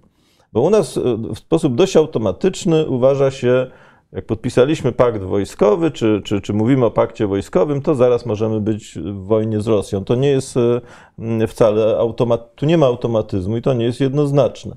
To musi być wynegocjowane w szeregu różnych obszarach. No, Polska i tak daje głębię strategiczną Ukrainie. I tak y, sprzęt ukraiński jest w Polsce naprawiany. Y, Nie I- tylko w Polsce nie tylko w Polsce. I tak powstają i mówi się o wspólnych przedsięwzięciach y, przemysłowych w zakresie przemysłu obronnego. I tak jest daleko posunięta współpraca szkoleniowa, etc., etc. Więc ileś tych elementów bliskiej kooperacji wojskowej już ma miejsce. Chodzi o to, żeby to był system. I oczywiście nikt rozsądny nie proponuje, żeby Polska samodzielnie dawała gwarancję bezpieczeństwa Ukrainie. No właśnie, bo No, to tu, przecież, no ale to byłoby przecież jesteśmy. absurdem. E, no, było tak. ale tak No, ale to dajmy trochę panu zabrzmiało, ale tak, no. tak to trochę zabrzmiało. no Marku, no Nie, bo, no nie- bo ja uważam, że w relacjach sojuszniczych, w rozmowach, a przecież mówiliście panowie, że powinniśmy rozmawiać Tak, z naszymi tak, sojusznikami. absolutnie. Powinniśmy prezentować w tej materii i mam nadzieję, że prezentujemy dość czytelne stanowisko o gotowości Polski pójścia w tym kierunku. Ale to nie oznacza samo, sa, sa, samotnego pójścia w tym kierunku. Ja uważam zresztą, że Stany Zjednoczone prędzej czy później dojrzeją do tego rodzaju decyzji i te gwarancje bezpieczeństwa zostaną udzielone. Tak, no, ale to powinna W być... naszym interesie jest, żeby one były udzielone relatywnie szybko. Tak. E, e, I w naszym interesie jest, żeby, żeby z wojskowego punktu widzenia następowała integracja organizmów wojskowych, tak to enigmatycznie określę, Polski i Ukrainy.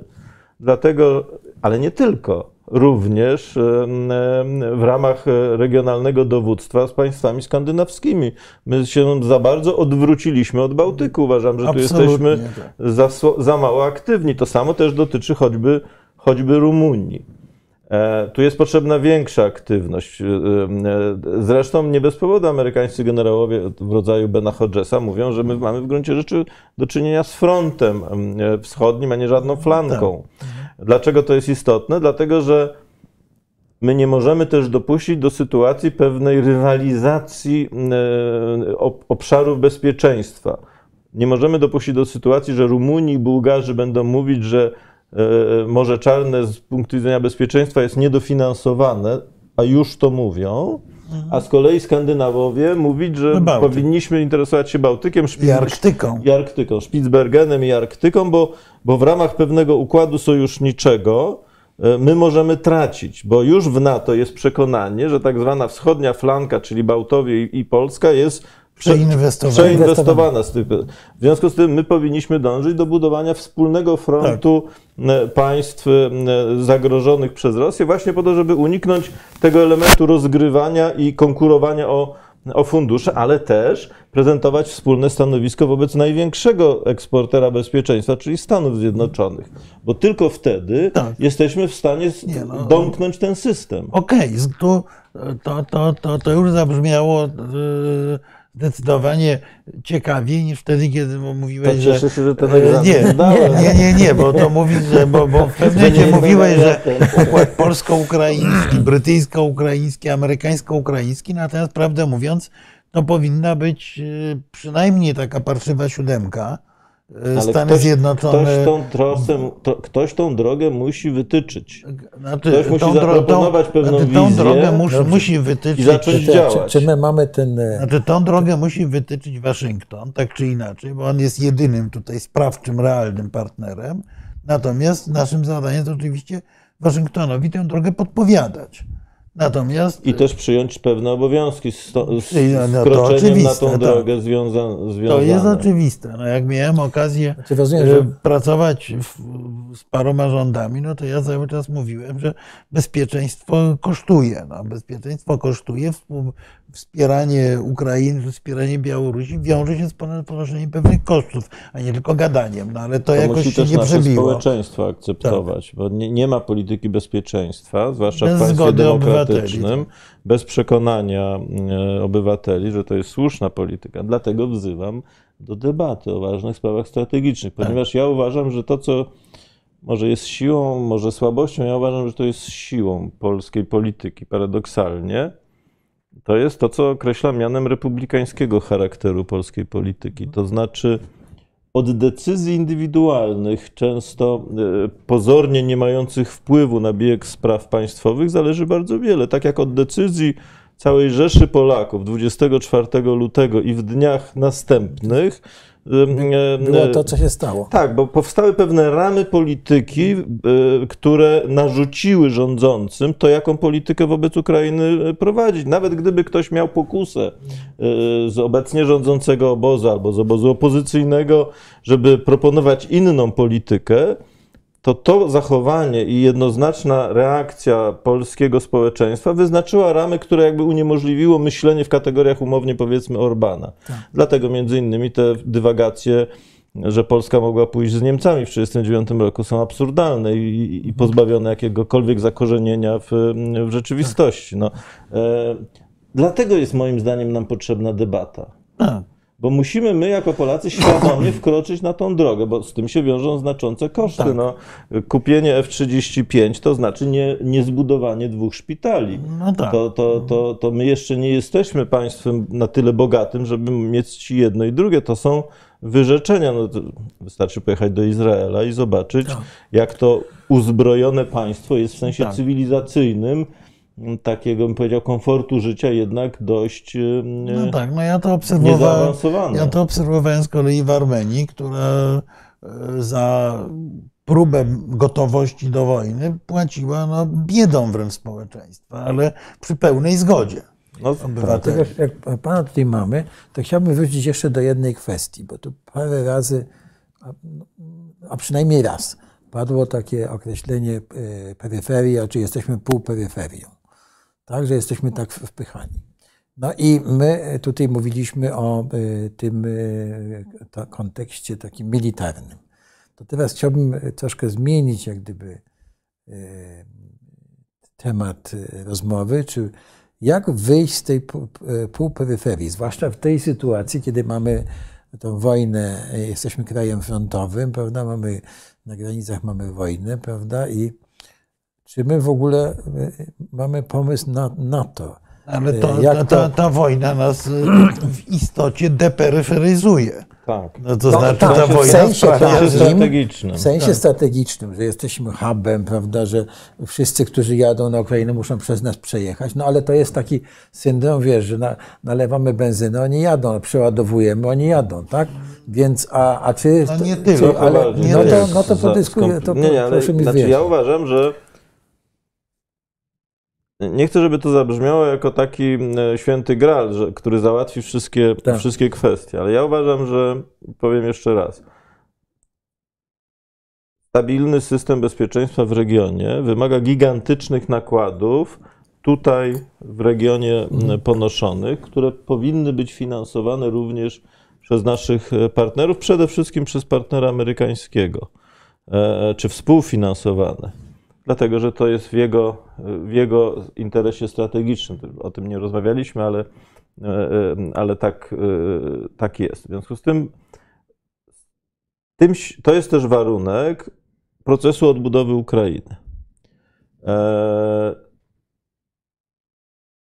A proces odbudowy Ukrainy, niezależnie od siły polskiego kapitału, bo przecież wszyscy wiemy, że nie jesteśmy hegemonami w tym zakresie, będzie, be, będzie zwykle dyplomatycznie. Będzie, będzie korzystnie oddziaływał na koniunkturę, również koniunkturę gospodarczą w Polsce. Nie ma innej możliwości. Znaczy jest inna możliwość, ale. Znaczy jest możliwość. E, będziemy omijani w dużym stopniu. No. Jest możliwość, Jeżeli że Ukraina nie, będzie się rozwijała szybciej niż my. To nie ma za żadnego znaczenia. Cóż to e, zmieni? No, my dzisiaj mamy z grubsza rzecz biorąc 600 e, miliardów dolarów PKB, Ukraina ma 120. E, rząd ukraiński zaprojektował cały proces modernizacji, oczywiście pod warunkiem, że napłyną kapitały, który mówi o tym, że przez najbliższe 10 lat Ukraina powinna się rozwijać w tempie 7,5% rocznie, czyli niesłychanie szybko. I po 10 latach wyjdzie na poziom roku 2021, no tak, czyli, będzie miała, ma, tak. czyli będzie miała 200 miliardów y, PKB. To, czyli co, my będziemy stać, nic nie będziemy robić? Nie, no oczywiście, że nie.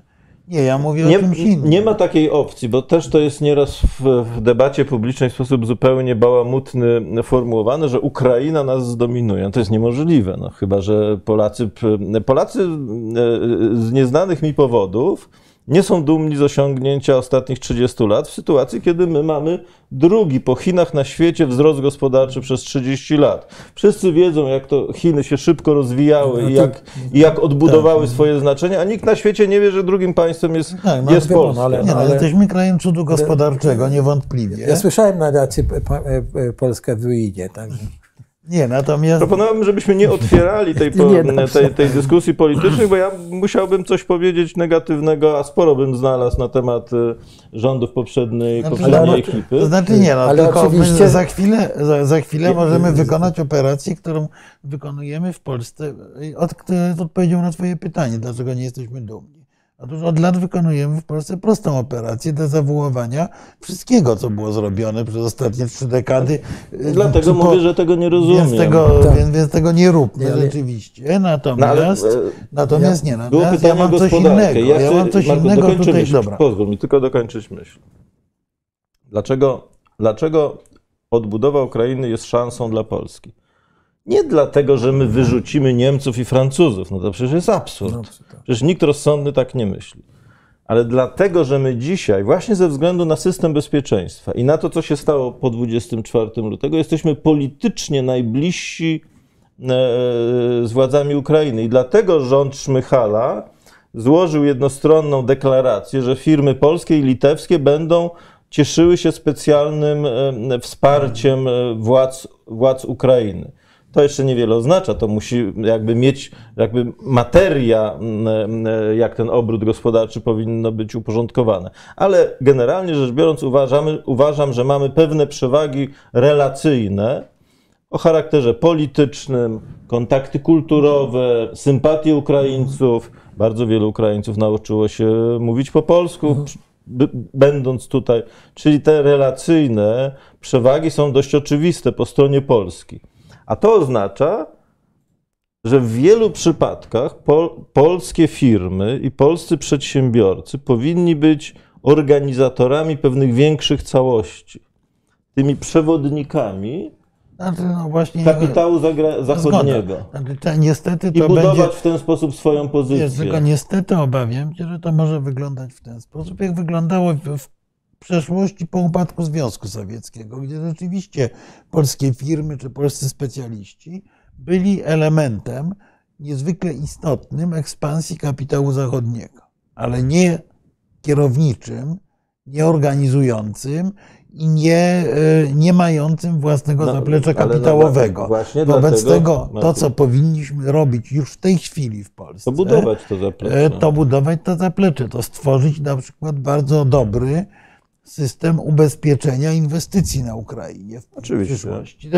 Mnóstwo różnych rzeczy Ale tego typu trzeba zrobić. Dużo co? powiedzieć. Ja o tym piszę w mojej nowej książce. Strona ukraińska składa pewnego rodzaju deklaracje. Jest niezwykle elastyczna. Oni mają świadomość, że muszą wszystko zmienić, żeby w ogóle liczyć na odbudowę. Znaczy no, Ukraina... Zaczynając od przecięcia cały czas potwornej korupcji. Oczywiście, że tak. Słuchajcie panowie, ale o tym Systemu mówimy. oligarchicznego. Tak, właśnie. Znaczy, no właśnie, znaczy, jak, to znaczy, właśnie, bo, jak o tym mówimy, czy wojna nie tego systemu oligarchicznego nie jakoś właśnie, nie, nie złagodziła, my nie, nie my nie wspominamy cały czas o Wojna naszym... bardzo osłabiła oligarchów. E, my, bo my nie mówimy cały czas o naszym największym sojuszniku, jakim jest towarzysz Władimir Putin, który po pierwsze rzeczywiście potwornie przetrzebił oligarchów, niszcząc w, dużym w dużej części ich zaplecze, który swoją agresywnością sprawia, że e, pomysły na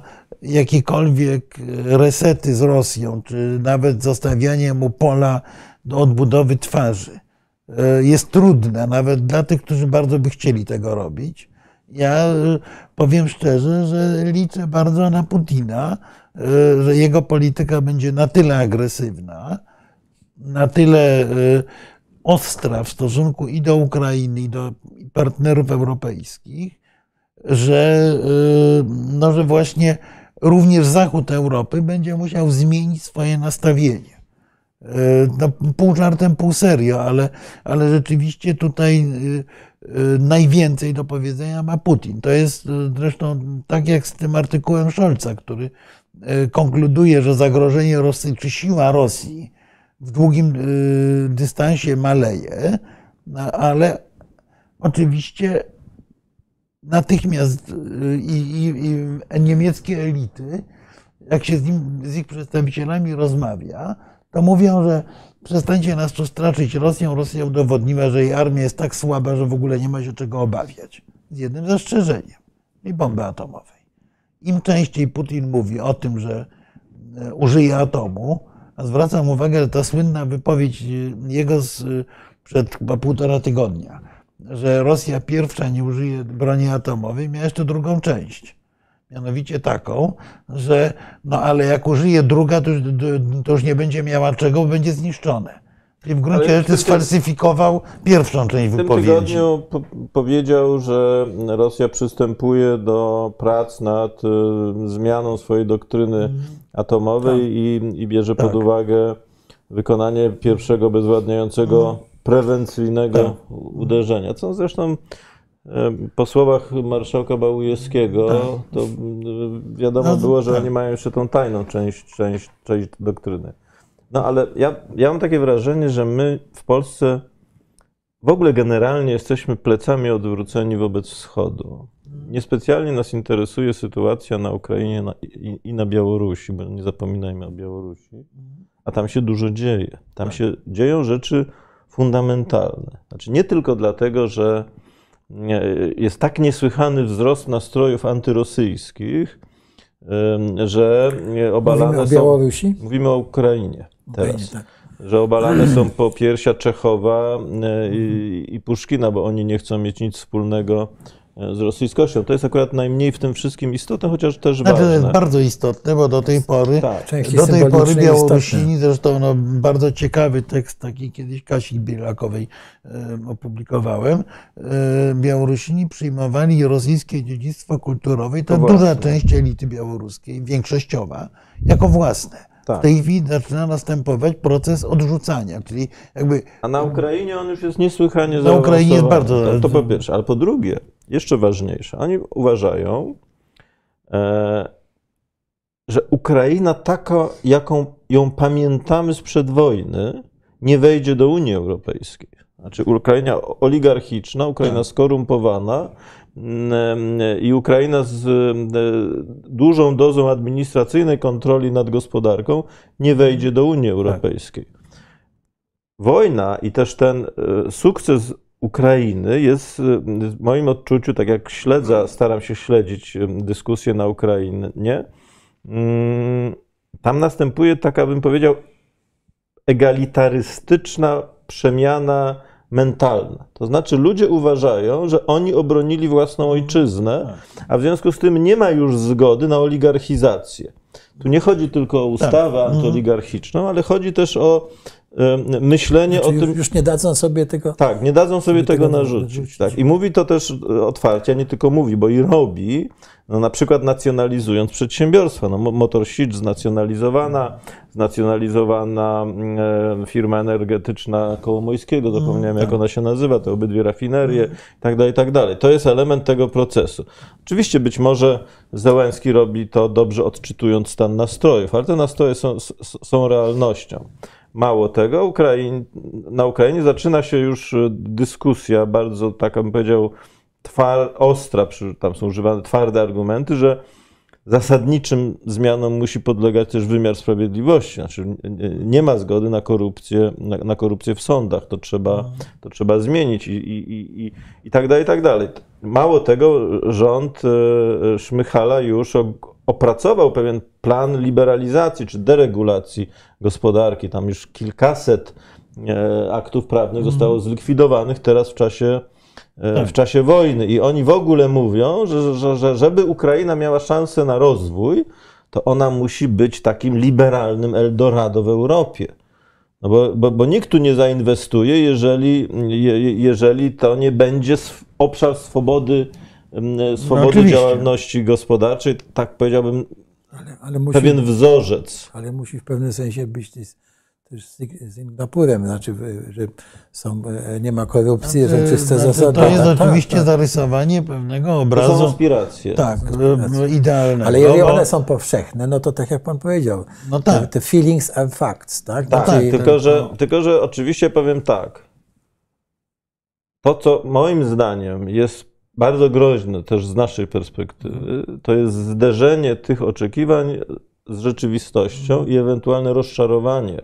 No to u nas znaczy, To, co mnie uderzyło, w, kiedy rozmawiałem z wieloma przedstawicielami jakby elity ukraińskiej też i mediów, to oni w sposób rzeczywiście e, e, silnie ugruntowany są przekonani, iż w styczniu rozpoczną negocjacje członkowskie tak. w sprawie wejścia do Unii Europejskiej, a za trzy lata będą członkiem Unii no, Europejskiej. Tak.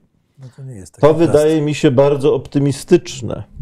E, I teraz trzeba im mówić, że u nas to trwało 9 lat. Nie, no. no tak, tylko że, okay. tylko, że, on, że oni mówią, że złożyli ofiarę krwi i, i, i wobec tego im się należy specjalne traktowanie. No, to się tak. bardzo często pojawia. Tak. To jest ja, mantra. Słuchajcie, ja ale... muszę powiedzieć, że ja pamiętam sytuację zupełnie inną, ale właśnie z tym. Ale dajmy A jakie będzie rozczarowanie, jeżeli to się okaże niemożliwe? Tak no tak się okaże. A nie no. będzie jakiegoś systemu, który będzie kompensował tak. to rozczarowanie. To będzie kolejny czynnik destabilizacji, który dołączy się do tych już znanych nam czynników destabilizacyjnych. Wojna, zniszczenie, mhm. emigracja, wielkie bezrobocie, 5 milionów ludzi straciło pracę. Mhm. Y, to wszystko razem wzięte powoduje, i to jest właśnie główny jakby przedmiot mojej troski. To wszystko razem wzięte powoduje, że Ukraina stoi przed scenariuszem destabilizacji wewnętrznej, nawet jeśli wygra wojnę. I tego musimy uniknąć jako państwo sąsiadujące. No tak, tak my że tu będzie, mamy jeszcze pytanie, jak wygra wojnę? Bo ta wygrana wojny nie jest, nie jest oczywista, no bo jest mało prawdopodobne. Nawet jeśli powiedziałem, tak, ale nie, jak wygra wojnę? Bo za, za, zakładamy, że wygra wojnę, tylko czy ta wojna będzie na przykład y, połączona ze zwrotem Krymu, czy nie? Czy ta wojna będzie y, zakończona y, aktem pokojowym i e, zobowiązaniem rosyjskim do zapłacenia reparacji, czy nie. W każdym razie ja się obawiam e, czegoś takiego, że tak czy inaczej na Ukrainie może pojawić się coś, co nazywamy, nazywaliśmy w historii syndromem weimarskim, czyli syndromem zdradzonego sojusznika. E, a co to, jest groźne dla to nas. jest bardzo groźne dla nas właśnie. Natomiast e, e, ja chciałem wrócić do takiego wspomnienia sprzed lat kilkunastu. Nie pamiętam, który to był rok, ale miałem okazję w Hadze uczestniczyć w takim spotkaniu Unia Europejska-Ukraina, na którym Ukraińcy, wtedy jeszcze prezydentem był Kuczma, na którym Ukraińcy usłyszeli, że Unia Europejska nie jest gotowa na przyjęcie Ukrainy. No, zupełnie inna sytuacja, zupełnie inna ekipa. Ci ludzie byli, nawet nie wiem czy wściekli. To, to był takie, e, taki szczękościsk po zawodu i, i, i irytacji. Więc teraz po tych latach, po tym co zrobili, usłyszenie e, tego typu zimny prysznic spowodowałby jeszcze gorszą reakcję.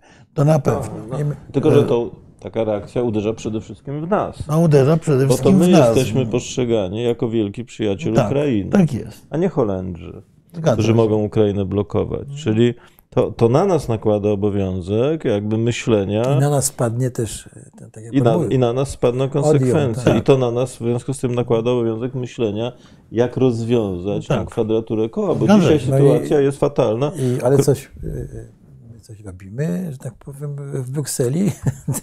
No bo pan powiedział niezwykle ważną rzecz, prawda, że jak, e, to jest, no mówmy, nie, nie, niemożliwe za trzy lata to członkostwo. Tak? I trzeba trzeba dać tym ludziom, prawda, temu społeczeństwu coś w zamian. No i no trzeba nad tym myśleć, tak. już wypracować ten, wypracować ten, mieć Ale ten ja pomysł. nie jestem eksponentem ja naszego wiem, MSZ. Wiem, ja wiem, tylko, ja tylko mówię pan, czy, ma, ja, czy kręgów ja, władzy. I, I całe ja, szczęście. Ja się marzę, to, co mogłem, to zrobiłem. Napisałem książkę, gdzie tak. jakby po imieniu nazywam te najważniejsze tak. problemy i, tak. i wzywam. No może głosem naiwnego jakiegoś idealisty do, do mówienia o tym, bo ja doskonale pamiętam lata 80., myślę, że wszyscy pamiętamy. Tak. Buzowało dyskusję. I dyskutowaliśmy, tak? I, i, I wtedy to też wydawało się kompletnie nierealne. Tam myślenie w 86 czy 7 roku, że Polska będzie w Unii, e, w NATO. Przecież te wszystkie dyskusje. A potem Musia Skurzyńskiego, tak, no nie, no, ale to... nie, tylko że myśmy na przykład w pewnym momencie, ja pamiętam, to jak dziadkowie zaczynamy mówić, na jeszcze w tym podziemnym konwersatorium Polska w Europie, w pewnym momencie padł głos, który zresztą wsparł potem Tadeusz Mazowiecki również, że Polska, chociaż z zastrzeżeniami, y, że Polska musi być gotowa na zjednoczenie Niemiec. No, przepraszam bardzo. Pamiętam to. Kościół na Solcu, grupa y, opozycyjnych jajogłowych coś mówiła. Otóż w rozmowach, jak już y, po 1989 roku, w rozmowach z Niemcami kilkanaście razy to wracało. Oni to odnotowali, dla nich było to nieprawdopodobnie ważne. Ale właśnie dlatego pewne sprawy o charakterze strategicznym musimy mieć teraz no, przygotowane, no bo wydarzenia tak przyspieszą, tak że nie będzie już na to czasu. Tak. To teraz jest ten gotowe, moment. Gotowe pomysły teraz jest ten moment, tak, że tak. musimy o tym tak. zacząć poważnie mhm. dyskutować. Znaczy nie, no musimy mieć niewątpliwie i to powinniśmy mieć tak naprawdę ze dwa, trzy plany alternatywne, ponieważ Bóg wie, jak się potoczą wydarzenia. Nie, no powinniśmy tak, ale yy, rozumiem, że to jest, yy, leży poza naszymi możliwościami, kompetencjami, ale przynajmniej mówimy o tym. Yy, no, w ramach cieszę. pewnego paradygmatu republikańskiego tak.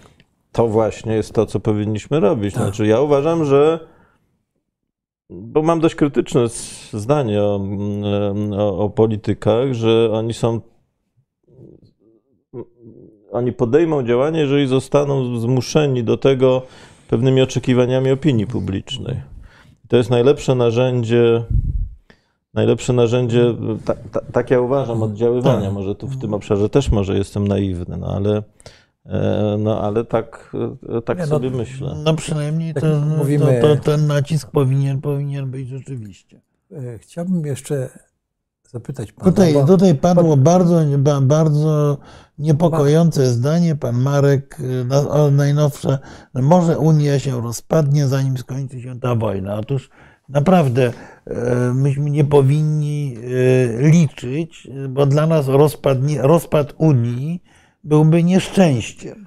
Nie, Marku, nie rozpadnie Więc się. Mi nie, no, ale ja wiem, że, wielko, że wielu mówię, że w tak ogóle dobrze takie ze sobą, myślenie, bo wielu, mimo tej wielu, konkurencji niemiecko-francuskiej, wielu państwa oni- e, tej Unii nie lubi i mówi, że fajnie było, jakby się Unia rozpadła. No, niestety Unia jest jednym z filarów, na których możemy budować tego typu rozumowanie, o którym tu mówimy, zakładając, że mamy za plecami pewien porządek i stabilność. No, ja uważam, że w takich dyskusjach trzeba brać pod uwagę to, że się rozpadnie. No też jako jeden z wariantów. Nie, no trzeba Może- brać, znaczy, ale... ja uważam, że mało ale nie- prawdopodobne. ale nie, ale rozpadnie, ale- nie traktować Znaczy, tego w kategorii ja nie, nadziei, nie- tylko nie, nie, nie, nie traktować tego w kategorii nadziei, tylko nieszczęścia. No. Unii nie grozi w moim odczuciu y, scenariusz rozpadu. Unii grozi scenariusz jeszcze gorszy, czyli Wielu pewnej prędkości. atrofii.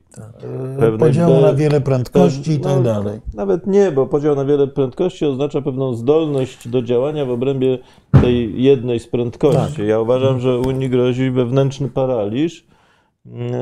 I, i, i, niemożność reagowania na szybko zmieniającą się sytuację, no bo to, to jest ten, ten, problem i to też jest groźne zjawisko. No ale też y, Unia jest tak zbudowana, że nie ma tych mechanizmów, prawda? W pewnym sensie. No bo jak pojawiła się pandemia, to Unia działała ad hoc, prawda? No jak pojawiła się wojna, to w zasadzie też była bezradna, bo No, pandemia ma. bardzo, no, e, bardzo wyraźnie ujawniła, że mówienie o projekcie europejskim jako pewnym bycie jest zdecydowanie na wyrost, bo reakcje były na poziomie państwowym i były dość egoistyczne. No, pamiętamy No, na przykład decyzje no, choćby Niemiec. No, Tak, nie mam antyniemieckiej obsesji, ale akurat mi się to przypomniało. no, ale tak To- było, tak. To, to, y, to tak wygląda. E, W związku z tym tu, tu jest jakby istotny, istotny problem. Ten brak rozwiązania jest moim zdaniem zakorzeniony w jednym fakcie, a mianowicie w braku zaufania. Znaczy, to, to No jest tak. kłopot. Znaczy, nie, Tak. nie ma mowy o federa, federalizacji Unii Europejskiej, dlatego że nie ma zaufania.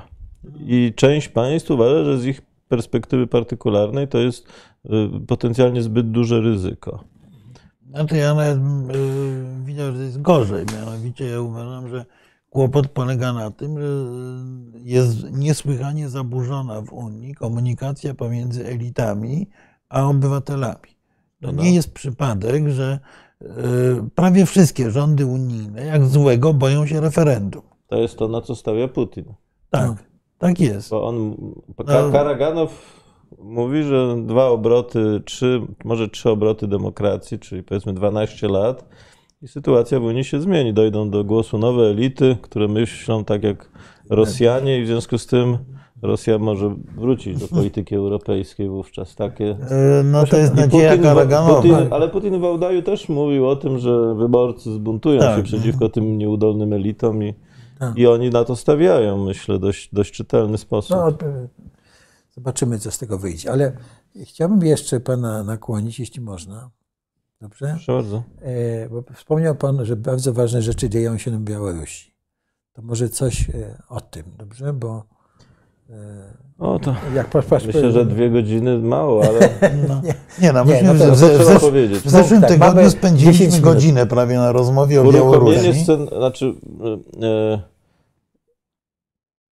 zwycięstwo w wojnie z Rosją, zwycięstwo Ukrainy oznacza o, otworzenie kwestii białoruskiej. To, to, to, to koniec Łukaszenki, no, Tak, w najkrócej sposób, mówiąc, w sposób dość czytelny. związał swoje losy z Rosją już na tyle da, mocno, że yy, w momencie por, porażki rosyjskiej musi nastąpić zmiana. Jest pytanie Ale- teraz jaka? Ale, ale No. czy na pewno? Bo ja, ja nie, nie wyobrażam sobie, że ta przegrana Rosji będzie taka, że ona się zawinie, prawda, i z Białorusi, prawda, że no, na jakiej podstawie tak sądzimy, że... A nie zawinie się. Znaczy, No. wie pan, Znaczy, to są No to- dwie no to opcje. dobra, Ja bo, to jak- powiedziałem jak o to się- otworzeniu kwestii białoruskiej, to wcale, Jak- nie, wcale nie oznacza, że ona się zawinie. I tu jest kilka możliwości. Znaczy, po pierwsze, Białoruś w pewnym e, takim imaginarium geostrategicznym rosyjskim jest w ogóle najważniejszym krajem w Europie. Tak. Znacznie ważniejszym niż, e, nie, niż, niż Ukraina, to oznacza, że oni mogą nie chcieć ustąpić z Białorusi.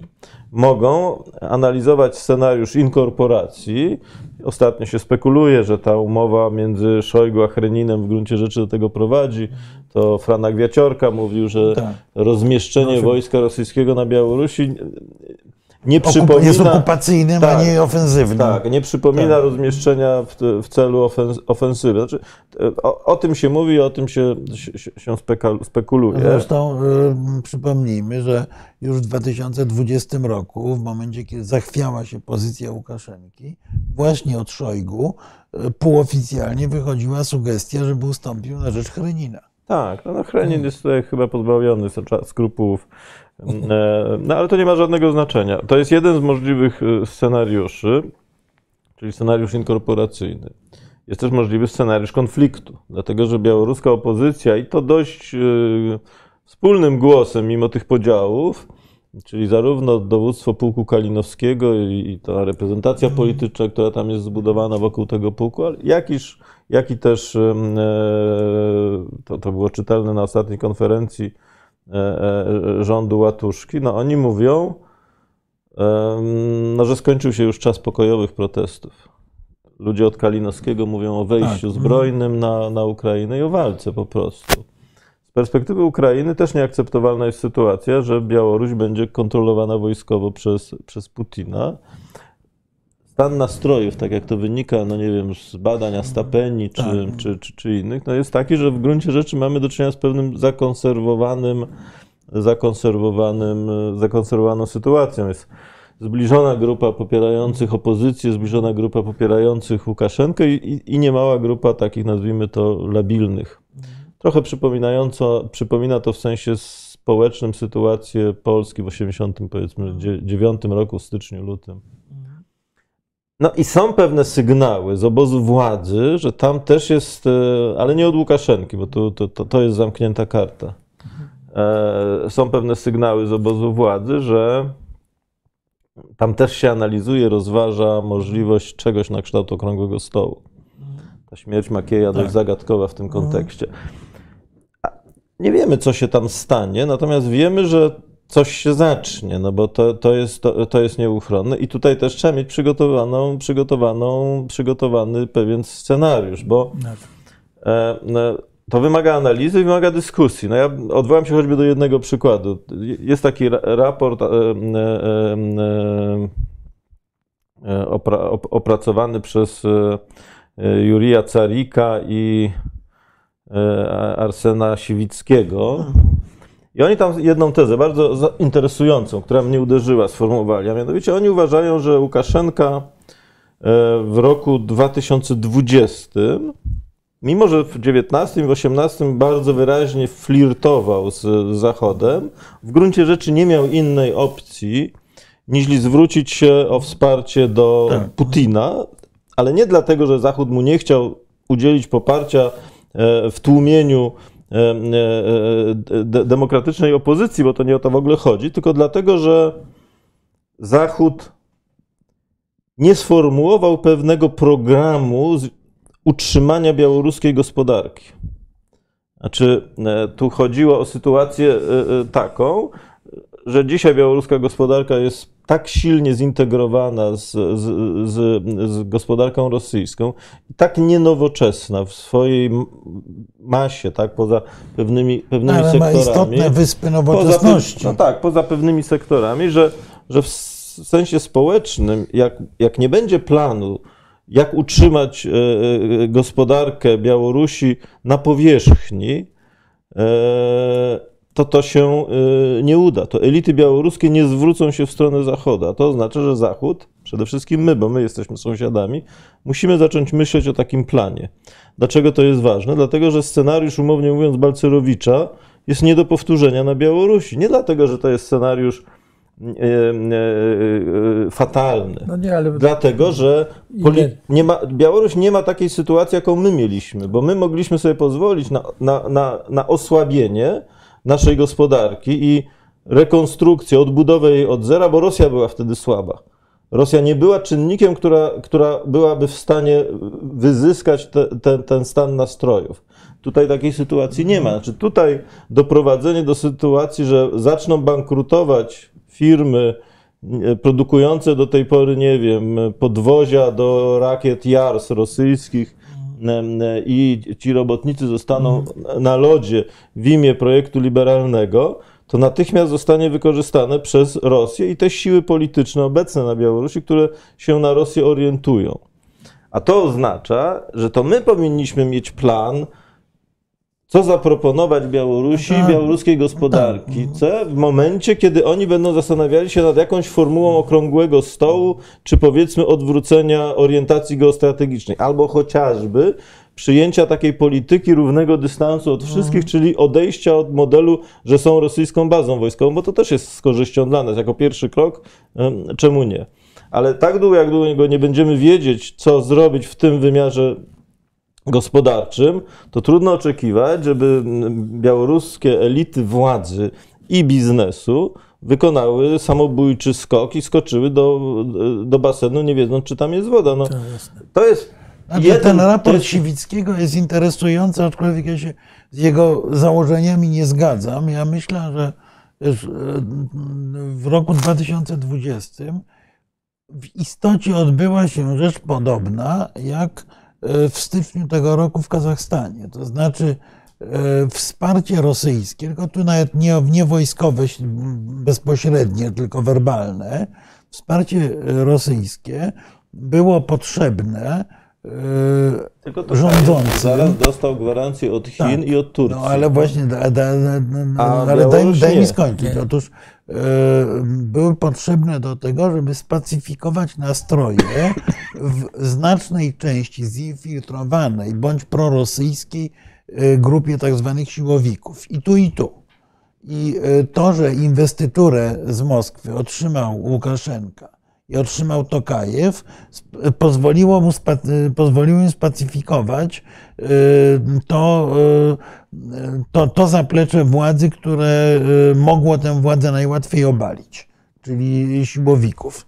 I to był, to był ten czynnik. Tu nie ma sporu między nami. Ja nie twierdzę, że raport, e, ten o którym mówię, to jest jakieś objawienie. Ja Natomiast, tylko mówię, że my musimy przemyśleć cały szereg bardzo zgoda. istotnych znaczy, kwestii. Znaczy, Komisja Europejska mówienie... przygotowała pewien projekt dla Białorusi, tylko projekt ewidentnie za mały. To jest projekt na, w wypadku zmiany władzy, to jest tam 2 miliardy z groszami euro na właśnie odbudowę gospodarki. No, 2 miliardy z groszami. 2 miliardy to, euro to, jest... to żaden z siłowików białoruskich nie zaryzykuje zwrotu geostrategicznego tak. i to tak. jest nasz obowiązek, żeby po pierwsze samemu o tym myśleć, co zrobić, w jakich obszarach i przy użyciu jakich środków, a po mhm. drugie przekonać naszych sojuszników, bo ja obserwując na przykład politykę amerykańską wobec Białorusi, miałem wrażenie, że oni coś chcieli, ale nie do końca wiedzieli, tak. E, czego chcieli i by chętnie od nas usłyszeli. Ale, no Tylko, że tak, nasza ale... polityka, już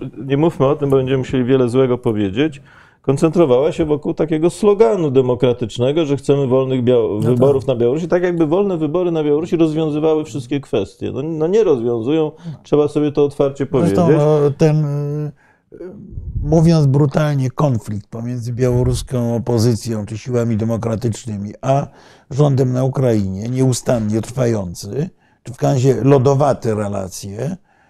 Poprawiła, no, ale nie bardzo. Nie, bo, bo ja w tej chwili wydaje mi się, że Zełenski stawia na pułk Kalinowskiego i czy brygadę Kalinowskiego chyba w tej chwili. I, Ma być dywizja. No więc właśnie. I opanowanie w ten sposób. Mają tyle ochotników. E, uzyskanie wpływu na, na, na władzę E, na władzę na, Bia na Białorusi. E, natomiast, no natomiast z kolei myślenie środowiska zasadniczo rozsądne w owym czasie, w 2020 roku, środowiska ciechanowskiej, to, była, to było myślenie, że w jakiś sposób trzeba się ułożyć z Rosjanami. Co no tak, to, Ukraina postrzega jako zdradę. No tak, tylko Marko, tylko, po pierwsze Ukraina pamiętajmy o tym, nadal utrzymuje ambasadora tak jest, i w Mińsku, tak, i co oznacza, że, że, że, że jakby działa na dwóch kierunkach. Mhm. Tak? tak? Znaczy, pokazuje, że ma narzędzie presji o charakterze wojskowym, mhm. pułk Kalinowskiego, i, ale mówi, że ma też kontakty dyplomatyczne. No, ale nie zapominajmy, że mówi to, w 2019 mówi, roku to... najpopularniejszym politykiem zagranicznym tak, na Ukrainie Marek, był Łukaszenka. Wszystko wiem i, i wszystko i, i, śledzę to przecież bardzo intensywnie. No wiem. Tylko ja mam pytanie inne. A jaka jest polska linia wobec Białorusi? A, jaka, a, a, dlaczego nie ma konsultacji na poziomie politycznym i próby zbudowania wspólnej linii Polski i Ukrainy? Może, może, może nie można jej uzgodnić, ja tego nie wiem, ale też nie wiem, czy podjęliśmy takie, taki wysiłek. No, mamy cały szereg różnych tutaj e, kwestii. I to jest kolejny temat, dlaczego trzeba tak. rozmawiać, bo prędzej tak. czy później sprawa Białorusi będzie znowu na pierwszych stronach gazet i musimy wiedzieć doskonale, co robić. Tak. Nie wystarczą popisy niektórych posłów, którzy jeździli i, i, i, i twierdzili, że, że, że, demokracja rozwiąże wszystko. To, to tak niestety nie działa. Tak. E, z całym szacunkiem dla wieloletniego wysiłku mm, Polaków. W 1989 roku obaliliśmy komunizm, no ale nie tylko i wyłącznie mm, sami. No, mieliśmy cały, całą niesłychanie korzystną koniunkturę również i międzynarodową i nasi partnerzy i sojusznicy wiedzieli dokładnie, co chcą zrobić. Mało tego, tych siłowików e, e, polskich, to oni po prostu kupili. No, powiedzmy w ten sposób. No, no i, i taki plan wobec Białorusi tak, też musi tak, być zbudowany. Ale absolutnie zgoda. No, Te siłownicy to... polscy zostały, to bardzo ciekawa to zostali kupieni, no tak. Ale to, tak. to Marek tą tezę tak. przedstawił. tak. E, proszę panów, e, co wynika z naszej rozmowy? No, wynika z naszej rozmowy, że Polska powinna, dyplomacja i w ogóle my, myślenie o przyszłości powinno się, nie wiem, obudzić, być bardziej aktywne, E, powinniśmy mieć pomysły na tę sytuację, czy tak? E, tak, znaczy ja, no. ja, ja mam e, taki mało, mało może twórczy apel, żeby w głównych portalach internetowych i mediach mniej uwagi, uwagi poświęcać najnowszym kreacjom Dody czy butom Lewandowskiego, a może więcej kwestiom istotnym dla bezpieczeństwa państwa, no tak. bo nie no, bo, bo my, znaczy my się zachowujemy trochę tak, jak y, y, jakby świat miał potrwać jeszcze dwa tygodnie i rozmawiamy o rzeczach publicznie, o rzeczach nieistotnych, nieistotnych również na, na polu politycznym, jednocześnie odrzucając debatę o kwestiach fundamentalnych. Rzeczywiście kwestia tego, jak, sobie, jak się ułożyć z Ukrainą, co się powinno zrobić z Białorusią, co powinniśmy zrobić z Rosją, bo Rosja nie zniknie z mapy.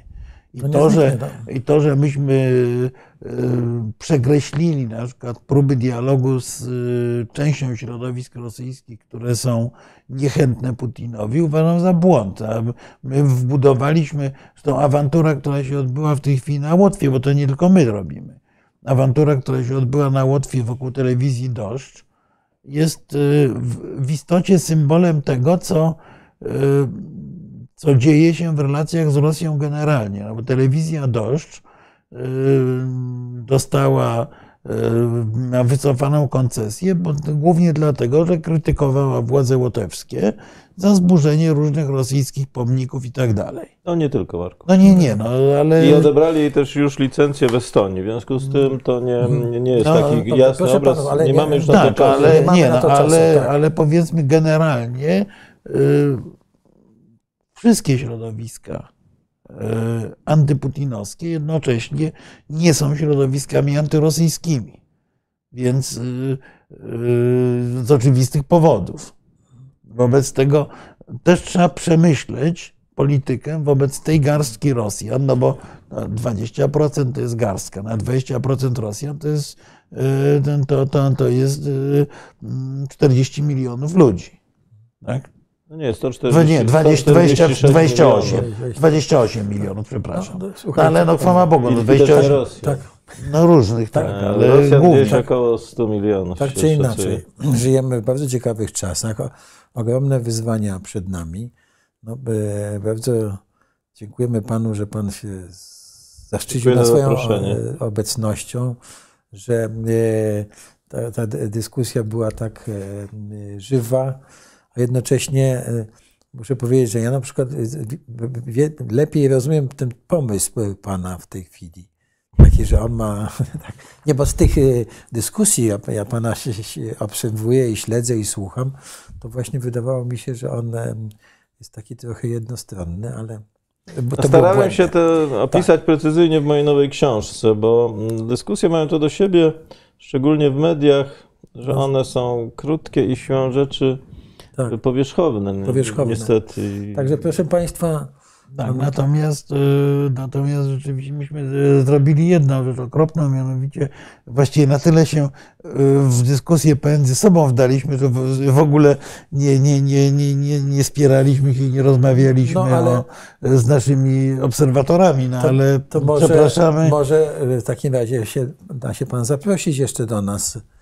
Na, przyjemnością, oczywiście. to i wtedy chętnie. się nastawimy tylko na. Tak, na- zbierzemy, na- zbierzemy na dyskusję. komentarze i pytania y, i, i będziemy. Proszę Państwa, przypomnijmy jeszcze książki. Samotność strategiczna Polski pana Marka Budzisza. Już będzie w księgarniach od jutra. Ja polecam A tę tu się, tu, tu się zgłasza czytelnik, skoro już nie reagowaliśmy. Panie Marku, nigdzie nie mogę dostać pana książki Koniec rosyjskiej Ameryki. E, No niestety wydawca mm, nie reaguje na moje propozycje wznowienia. Może gdzieś, może gdzieś na Allegro można kupić jakiś internet. Ale- Nakład był niewielki, tysiąc egzemplarzy. O, no to jest białe to, nie, to, rzeczywiście. Tak, a ja już też mam To wie pan, nawet w PRL-u jak wydawali, tam nie wiem. O, Ja PRL to w jak ja porównaniu byłem- z obecnymi czasami był to Eldorado. No to było. było- Tak, było ale wie pan, absolutne nie, Eldorado. Na przykład w Polsce kiedyś wydali bez ostatniego rozdziału Andersa. Był taki moment, że wydali. I na przykład no, mój, mój tata to dostał tam spod lady. Tak? I to, to były takie nakłady. Nie, no, kupowało się wszystko spod lady i nakłady Wszystko. były gigantyczne. No. Tak, na przykład Brodela musiałem kupić spod lady, bo też. No dobrze. W każdym razie dziękujemy panu bardzo za wizytę. I jak zawsze no, Jerzy Marek Nowakowski ze Stowarzyszenia. Bardzo dziękujemy. Ja. Dziękujemy państwu za. e, e, No nie była to debata wspólna, proszę pana, tutaj Tak, ale, pisze, ale naprawdę obiecujemy, ale obiecujemy, ob- obiecujemy zrobić debatę odpowiedzi po prostu. odpowiedzi. Tak, I Bardzo- komentarzy, bo, bo z niektórymi się nie zgadzamy. Dobrze. Także dobranoc, e, dobrej nocy. Dziękuję panu. Dziękuję. Dobranoc, dziękuję.